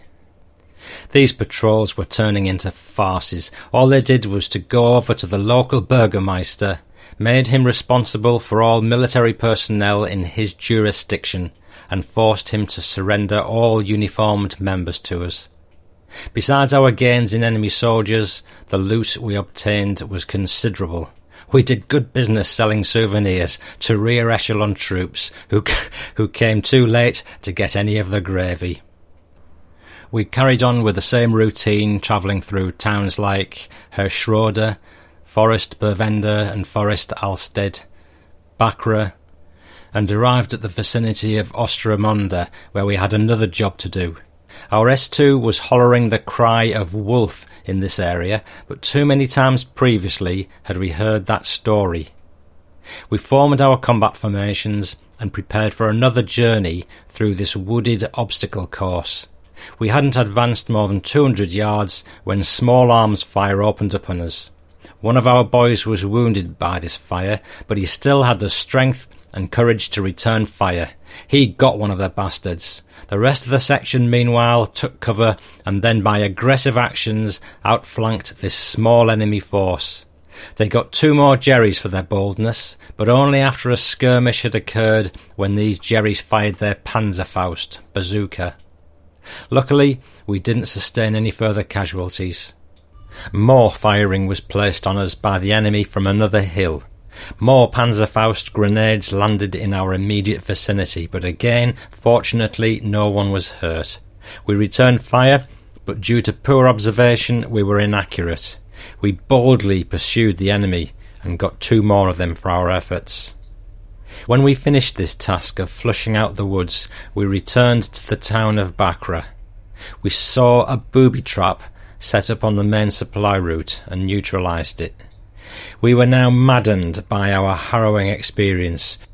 We were boiling because of the roughness of the terrain we had had to cover. We searched out every building in the town and picked up thirteen suspicious Germans. When three of these birds made a foolish attempt to escape, they put their signature to their own death. A torrent of automatic rifle fire cut them down before they got 25 yards. They were literally cut to ribbons. We left them lying in the middle of the road as a fair example and warning to all enemy agents which may still have been in the vicinity. That evening we headed for the town of Ostramondra, where we held up and whiled away the night. We carried on our campaign through Stockhausen, Grossfurra, and returned to Ostramondra. The next day, at the request of the local military government, we picked up fifteen civilians of the Nazi Party. We sent them to our rear headquarters and let them worry about taking care of them. That noon we moved back to our former residence at Hirschrode. Here we reverted to mobile reserve and took up rear area functions. This gave us our first real opportunity to relax and sleep the sleep which was long overdue. Our advance billeting party had done a fine job of securing billets, and we had a lovely place in which to live. Our new houses were a group of buildings which had previously housed civilian workers for the nearby factories. They were modern buildings and practically untouched by the war. We had all the comforts of home private rooms for the individual soldier, soft beds, up to date plumbing and latrine facilities. We even had bathtubs which could be heated up for baths. Most of us had confiscated radios during our escapades so we could soothe ourselves with music, and this more than atoned for our hardships while we'd been on the road, and appeased our lust for the better things in life which one sort of loses contact with while in combat. At München, our battalion received the mission of establishing a series of control points about the city. German soldiers, and especially SS men, were removing their uniforms and donning civilian clothes, and did acts of sabotage against our rear headquarters and supply routes, which caused great concern to our big brass. A rotation system was devised whereby one company pulled guard while the others were held in battalion reserve in town. Our company received this guard task the first day we were in Munchausen. We hauled in twelve suspicious characters who were dressed in civilian clothes and had uh, had army papers on them. A motorised patrol was also sent out to the neighbouring villages, but no Heinies were found. The next day, our battalion received word that infiltrating SS men were causing troubles while spreading fear and terrorism about, especially amongst the displaced persons in the town of Brandenburg. The task of ascertaining the truth of this report fell to A and C companies, who were sent to Brandenburg to check out the situation. While C Company set up a series of blocking and control points, our company entered the town proper. We issued a proclamation that cleared all the civilians out of their houses and made them assemble at the local church in the main square. While these people were undergoing questioning and processing, we made a complete and thorough search of the houses. Our hunt gained us nothing. We did return with fifteen suspicious characters, though, and no more complaints ever reached us again. In Munchhelm, we again found ourselves confronted by the question of fraternization. There were a good many displaced persons who were actually our allies, but yet we weren't allowed to converse with them, even less have affairs with them. I'm afraid, though, that this non fraternization order didn't stop some of the boys. By early May, the war news was taking a most optimistic turn. Our hopes were high that this war was reaching its final stages. The German forces in Italy had capitulated, and our mighty military forces had long since linked up with the gigantic Red Army. It was only a question of time, and we were anxiously awaiting the surrender. On May the 2nd, reports reached us concerning enemy hidden in the wilds of the wooded area of Steinwald. It fell to our company to go forth and flush them out. We proceeded by vehicles to our point of origin, which was the thick forest northeast of Steinwald. We formed our skirmish lines and moved out. After a complete and thorough search, we had nothing to show for our seeking except tired feet and general exhaustion. That night we were all pooped out and shacked up in the town of Pullenruth. The next day we were again playing hide and seek, this time in the woods in the vicinity of Fichtelberg. This job of combing woods was getting downright monotonous. We stayed at Pullenruth till May the 6th. The news of the war was so good that we knew it was all over bar the cheering. Yet we were a bit on the reserved side as the enemy still had large forces in Norway and Czechoslovakia, and we were afraid that, that these jobs were just made to order for the Rangers. We were almost right in that thought as the day of victory, May the 7th, found us crossing the Czech border. We'd started out early in the morning, and the news of our country's triumph hadn't reached us yet. I don't know exactly what our mission was, but we headed for the town of Grun, which was some fifty odd miles from our command post at Aiden, and which lay on the northwestern border of Sudetenland. Our egress through the towns was met with a smattering of cheers and yelling. Although we'd crossed the German border and entered a conquered country, the people here were outstandingly German, and looked upon us as conquerors rather than liberators. We held up in the town of Grun and spent a most pleasant night in a couple of large hotels, one for each platoon. The second platoon got the better of the deal in its billets, and there were beaucoup de Frauleins who were most willing to warm their beds and to see that some of the boys had sweet dreams. It was here, in the town of Grun, that we heard Mr. Churchill's formal but authoritative speech declaring the war had ended all armed hostilities were to now cease, and that all German troops were to give themselves up. It was hard for us to believe that the war was actually over. As yet, too many vivid and haunting experiences remained in our minds and hearts. We took the news calmly. It seemed too good to be true, yet it was we'd at last taken that final step on the road to victory. I couldn't help but go into a semi trance and think of the good old days back in England, to relive the harrowing experiences of D Day, to retrace our journey across the continent, and to think of all my friends and of all the American soldiers who'd lost their lives in this great struggle. We traversed a road which had had many traps and pitfalls in its ever winding contours. Many who had started out on this roll fell by the wayside before they'd taken a couple of steps. Others had managed to come part way, but before they were overcome by the obstacles in the road. Yet some of us did make the complete journey. It must be those that must see to it that our travels weren't for naught. They must see that our buddies' wounds and deaths don't go unavenged. They must make sure that our children never have to transverse over a similar route. It's hard to realise the starring role that our company and battalion played in this history making epoch. It's hard to visualise that we were the actors in the greatest play of all civilization that we performed our parts with perfection. It's not difficult to recall the trials and tribulations we'd had to endure in order to bring about the final curtain in this saga. It is heartrending to review the time when we had to leave behind the main stars because of the stark tragedy of the story. It's with the greatest of sorrow that we repeat their names and remember their features as they went forward so gallantly and so bravely. It's because of them that today this play had its successful conclusion.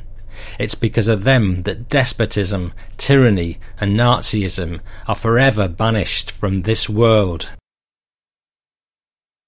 VE Day Let us lift our faces to the sky to pray, to give thanks to Him for bringing this deliverance day and to remember and immortalize those who gave their lives to pay, so that all the peoples of the world could have this VE Day.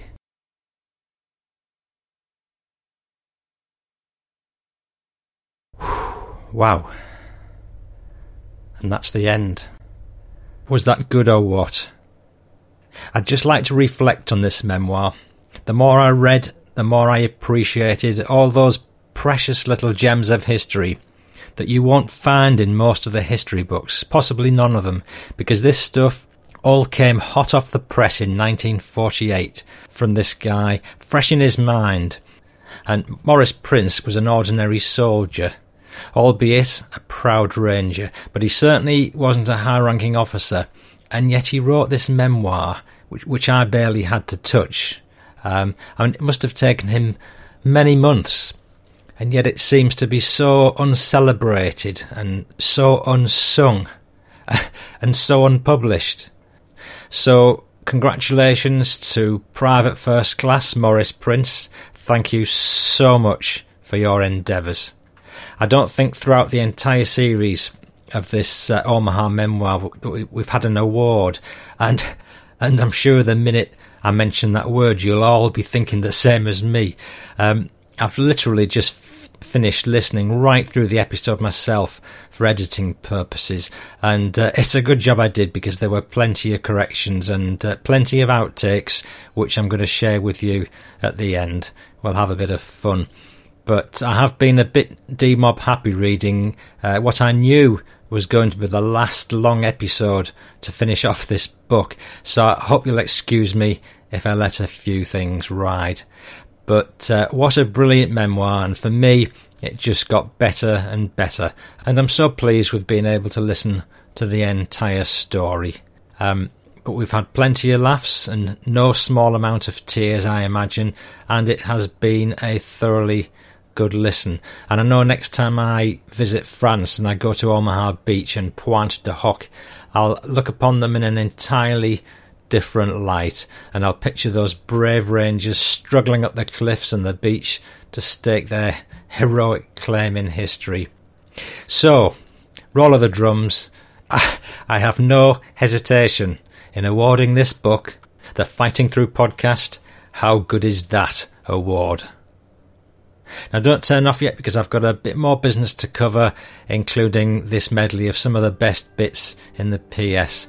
Um, but now I'd be grateful um, if you could join me in listening respectfully to a, a relatively short list of names of fallen comrades which Maurice Prince saw fit to include in his book.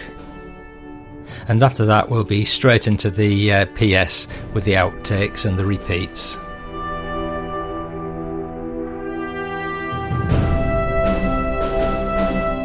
In Memoriam in Vierville-sur-Mer, France, June the 6th, 1944.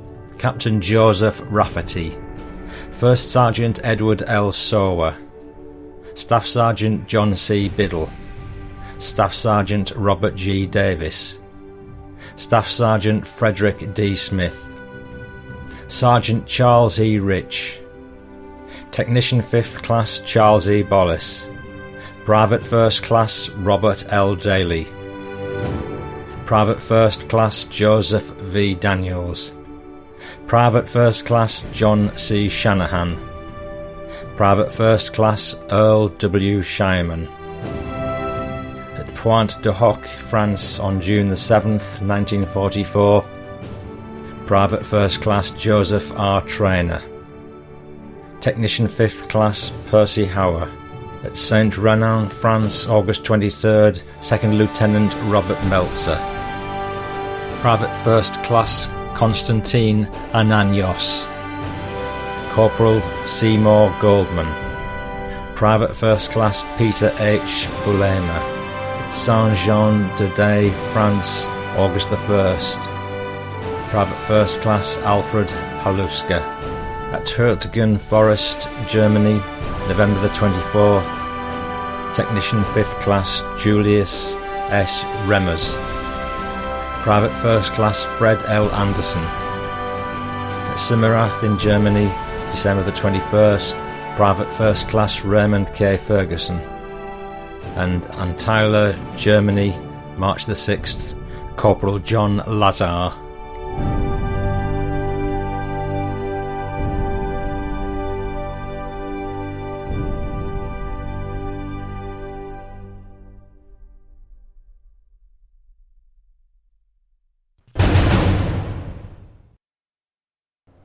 Now, here's the promised medley of outtakes and uh, best bits from the series. I hope you'll join me having a good belly laugh at some of the times I collapsed in laughter at mistakes I made or at the things I was reading. Uh, quite often, I was skipping a few words ahead, so I knew what was coming, and there were times when I just knew I wasn't going to be able to hold hold it together. But uh, I finished off with a few of the more dramatic passages of the story, including a repeat of the fantastic action on Omaha Beach itself. I was most lucky as I was in a house all by myself, whilst most of the other guys were grouped in homes by twos and threes. I was alone and with just an old man and his wife, plus a maid. I had a swell room, and I never lacked for room service, as the maid was really on the ball. there wasn't anything these kind people wouldn't have done for me, and the same was true with the maid. It, didn't take long for us to get over our first doses.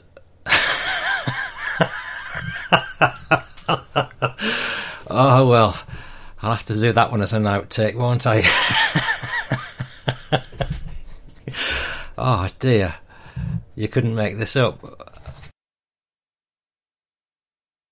Our first movie we had the pleasure to behold on the European content was held in this area. It seems as though one of our boys knew some fellows from a special service unit. He'd gotten in touch with them and persuaded them to have a picture showing for us. They agreed to come over one night and present us with a show. We fixed up a large barn that lay in the area and made all the necessary preparations. Well, they kept their word and came around. The projector was set up and we prepared ourselves to spend a pleasant evening. All went well for us the first half of the first reel. Then suddenly the sound track went snafu on us. A hasty check was made to ascertain the cause of the trouble. When the cause was found, it was learned that there was no remedy, since something had blown out and would have to be replaced. Since there was no replacement handy, it was decided to either call off the show or run it off in silence.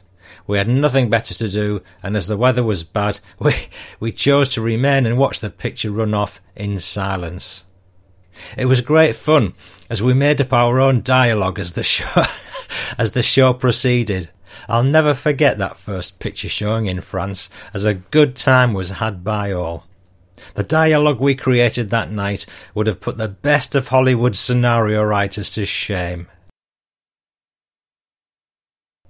It seems as though a couple of buddies and myself were making the rounds of the local farmhouses to see what we could pick up. And in our travels, we came across a small farmhouse where we were warmly welcomed by a most polite and a bit on the ancient side lady. We made our usual requests through the usage of our handbook and by an intricate system of arm and hand signals we'd worked out. Well, the old lady hadn't understood too thoroughly, but she did get the idea that we were in need of something to drink. She asked us to wait a minute as she went into another room to bring us something to satisfy our thirst. She didn't take long. She re entered the room carrying a quart bottle which was full of white stuff, very similar to alcohol in appearance. Not knowing better, and not being of a suspicious nature, I thought I'd sample the stuff. Well, I took a slug, one shot, and that was all. the helmet which I wore and hadn't removed shot up into the air. I stood gasping for breath. I thought that surely my guts were burned out. That was all, brother. To say that stuff was potent would be putting it mildly. That stuff made our wood alcohol and canned heat taste weak in comparison. Even to this day, I have nightmares every time I dream of Calvados. The next morning, we were on the march again. The next town about to feel the wrath and fury of the Rangers was to be the grape growing centre of Mayschoss. Our plan of attack was to go cross country, with one platoon entering the front of the town, while the other platoon swung around and attacked from the rear. Our intelligence had informed us that known enemy troops were in the area, but that the number was unknown. So when we attacked, we were fully prepared and expected a battle. No enemy resistance was encountered. We took over the town and instigated a thorough search of the place. We found 60 defending Germans sitting nonchalantly. we found 60 defending Germans sitting nonchalantly in the town's hotel and cafes, calmly drinking their beers and taking life easy. They decided to call it quits and were awaiting our arrival. We took these characters into custody and set up a defensive position about the bridge and railroad tunnels that ran alongside the town. Ah, oh, dear. That was worth recording. Moving on. After we were relieved, we got the job of clearing out and scouring the neighbouring hills and forests for possible hidden enemy soldiers and saboteurs. For all of our troubles, we didn't discover a single straggler. To pass away our spare moments, our battalion transformed a large building into a movie.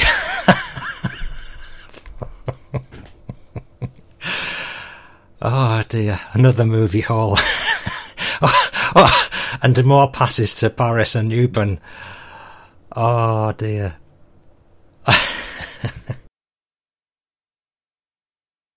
Besides our task discovering Nazi personnel disguised as citizens, we checked more passports, trip tickets, and identifications than Carter has liver pills. We found ourselves entangled in civilian problems, which we handled very diplomatically. We firmly but politely told these. we, we firmly but politely told these ex Nazi lovers where to go and gave them very direct orders and specific and specific directions of how to get there. I'm afraid that these Germans would have had a very red and embarrassed look on their faces had they been able to comprehend us. Oh dear.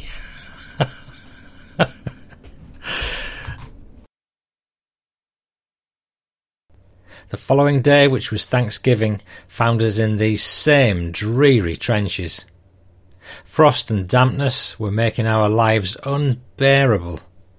Some men were suffering from some men were suffering from frostbite and had to have medical attention.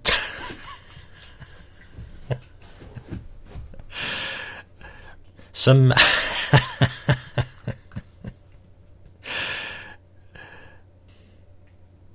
Some men were suffering from frostbite and had to have medical attention in the.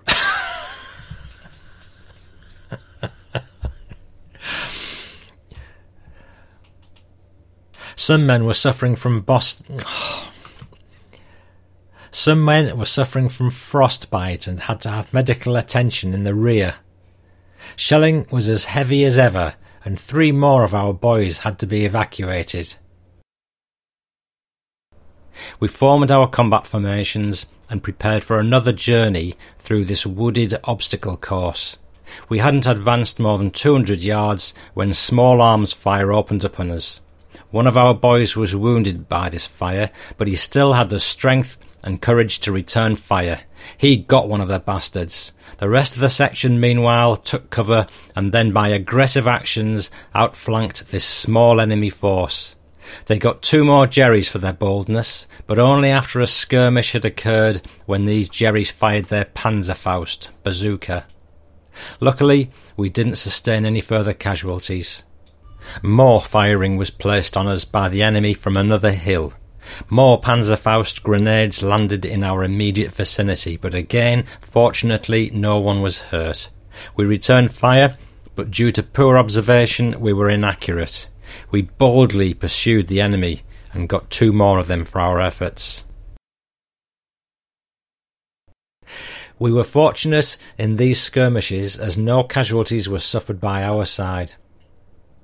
That night saw us in an enclosed field, practically under the very noses of the Jerry. Enemy airbursts constantly cracked and burst overhead, and machine gun fire from pillboxes had us all digging deep. We were at the climax of the game. All night we sweated out these enemy barrages. Once more, Lady Luck and the gracious Lord above saw us through. That afternoon, a must mission was handed down to the second platoon leader from the company. It was left to him to accomplish it.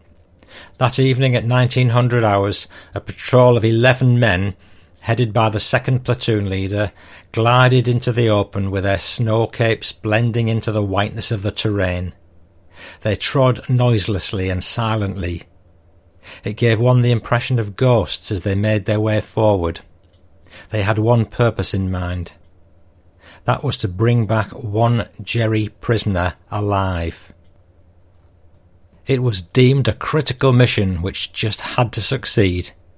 Enemy information was nil, and our intelligence was hard up for this want of knowledge. They moved down the middle of the main road, which led to a known Heinie position.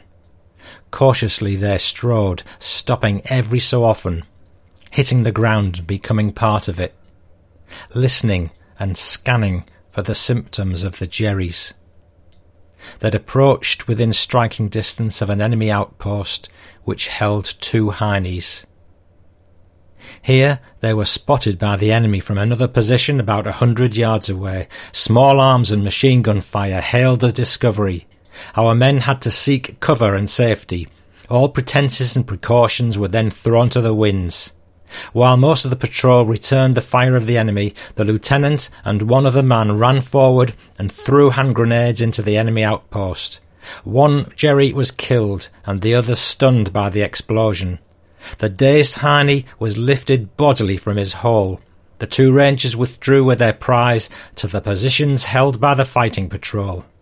A hasty retreat was instigated, and the men took off down the road at a quickened pace. We'd sustained one casualty when a hail of machine gun fire tore over the heads of our men. One of these slugs struck a man in the upper jawbone, causing a nasty and serious wound. He withdrew under his own steam and was immediately given first aid and evacuated upon his return to the command post. We'd completed our task at the cost of one of our comrades. But in return, we'd gotten our prisoner and had left behind two other Jerrys dead. This was a typical ranger job, daring, planned, and boldly executed. September the 5th marked no new changes in our positions. The section that had been with C Company rejoined our company. Patrols continually roamed and searched out our front. Enemy shelling fell intermittently. Just a routine day of combat, where one minute all is quiet and the next finds a shell whistling overhead, where very little is actually known of the situation, where you just sit in your foxhole and gaze at your buddy, where you smoke your cigarettes in chain fashion as if you've nothing better to do, where no one says anything and you just stare at your buddy, where you sit weary and fatigued, munching away at your K rations, where you try to sleep, and when you've just dozed off, a shell lands nearby and awakens and alerts you more than ever before, where you'd give anything and everything to be out there, where you wonder and think what you're doing here and why, and where your hopes and prayers are that the next shell or bullet hasn't got your name on it. A rending and thunderous aversion of shells whizzing overhead signalled the beginning and the breaking loose of all hell. Our supporting navy was starting its softening up process of the enemy's beach defences. As yet, we were still out of accurate fire range of the enemy guns, although some return shells did land to our rear. The distant and distinct hum of friendly aircraft became audible, and soon the planes and the bombers became visible. I personally couldn't appreciate or take notice of the greatness of our attack, as my face at this time was deeply buried in the puke bag. By this time we could picture our brother companies scaling the cliffs and assaulting the point. We could actually see the returning bombers as they flew back to their bases. They'd completed their part in the neutralization of the point. More enemy shells began to land in our vicinity. Our own navy guns were still firing away. The great belches of flame that shot forward after each round left the giant muzzles gave promise that the enemy was hurting. We were anxiously awaiting word from our companies on the point. Our features were tense and alert. Everyone was straining forward as if trying to snap an imaginary leash that held him back. Our CO, who was in our boat, nervously scanned his timepiece. No word from the companies on the point as yet, and the deadline fast approaching. Other LCAs were beginning to make the run to shore. Some of those boats were equipped with rocket firing equipment, and they were using them. No one was standing up in our boat now except the coxswain and the gunner. Things were beginning to get hot. The enemy was bringing up his larger artillery pieces. Artillery shells were landing nearby, and even machine gun and small arms fire were hitting the water about us. But on the whole, this shelling and firing was inaccurate. Time was running out for the companies on the point. Our CO signalled that we'd make the run to the beach. We couldn't wait any longer. Excitement was mounting. Enemy shelling increased. The water was terribly rough and choppy, and many a wave engulfed our craft and threatened to overturn it. The artful handling of the vessel by the veteran English sailor saved the day. He cleaved and dodged his way forward. We were coming in fast, as were many other similar craft. Enemy accuracy increased. Small arms and machine gun bullets began to bounce off our bulletproof sides the shore began to take on new and larger aspect. We could clearly view the beach and surrounding terrain. The bursting of shells upon the shore wasn't exactly a tonic for our morale. We seemed to be on top of the beach when a scraping and searing sound rended through the air. Our craft came to an abrupt stop that marked the finish to our ride. Ramps were quickly lowered. Men hastily jumped and dived into the icy, waist deep water. We were about seventy five yards from the shore. Bullets were really flying about now. Cleverly concealed and smartly defended enemy positions gave the Jerry a decided advantage over us. Casualties were being received by us. Men were being hit while in the water. It was a struggle to maintain balance in the surf and dodge the withering hail of enemy fire. We were helpless, like ducks in a shooting gallery. Our navy and planes hadn't completely neutralized these positions at all, and now our landings were restricting the fire of the navy. It was up to us, the foot slogger, alone now. The cold water, the excitement and confusion gave me and the others who were sick a quick cure. I looked back and saw what had caused our craft to stop. It wasn't a sandbar as I'd originally surmised, but underwater obstacles that had been placed there by the enemy. Thank God they weren't mined. On the left, a breached LCI stood smouldering and burning. On all sides of us, dead bodies of Americans. GIs were floating around. We had no feeling for them, but now we had a score to settle with those dirty Nazis. Our men began to spread out, to deploy, and to reorganize into their squads and sections upon reaching the shoreline. Our return covering fire was inadequate and inaccurate. Our only hope and salvage lay in reaching cover on land and storming the enemy in a frontal attack. Our fighter planes, meanwhile, were dealing out death and destruction to German artillery positions in the rear, but enemy mortar and small arms fire were causing us many deaths and other casualties. We gained shore and found momentary respite on a pile of rocks that ran parallel to the water's edge, about one hundred yards across the beach. But before we'd reached this cover, we had to go through a curtain of lead and chance a continual artillery barrage which covered this entire section of open beach. Men were stripping themselves of their packs and excess ammunition. They'd become waterlogged and were too much of a hindrance to carry. Lifebelts were also shed as we dashed to the precarious safety afforded us by the rock pile. All those that reached this cover did so by sheer luck rather than skill. Murderous enemy close range automatic fire was sweeping everything in sight and mowing down soldier after soldier. We were exhausted and tired on reaching the rock pile. There seemed to be no end to the enemy resistance. Another hasty reorganisation of the squads present was made. We were fighting mad. We dished into the fray in headlong flight, shooting up everything that looked like the enemy. Other soldiers plus rangers were now running and dashing about with us rangers out in front. We were getting closer to the enemy, and already some of our boys were assaulting their positions. The popping of hand grenades and the flashing of bayonets put an end to many a Heine's activity. Tanks which had floated in on the beach began to give us covering fire and neutralized a strongly encased enemy machine gun position that was covering the beach. You couldn't help but admire the cleverness and the stratagem of the Jerry defences. They'd built their lines well, taking advantage of the commanding terrain and using a skilful system of camouflage to conceal their defences. We'd been under their observation at all times, while we had difficulties in locating from where they were shooting at us.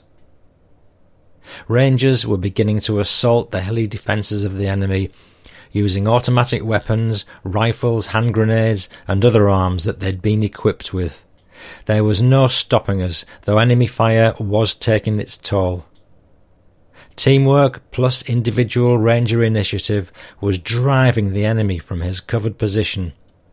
Prisoners were being taken, but not for long. We didn't have the time and men for them. Anyway, we couldn't bother with them. Once we'd gained a foothold on the hill, we were in a position to flank the enemy strong points. Another hasty reorganisation was effected. We relentlessly drove and forged ahead. One emplacement after another was wiped out. You've been listening to the Fighting Through podcast, episode 60, Omaha Beach, part 5. Thank you so much for listening. Please do hear me next time. Next episode, we'll be reverting to the usual format and music, and uh, I've got a stack of feedback and stories to share with you. I'm not sure 100% what the next episode's going to be about, but whatever it is, it'll be some more great unpublished history. I'm Paul Cheall saying bye bye now. Go on then. Toodle pip as well.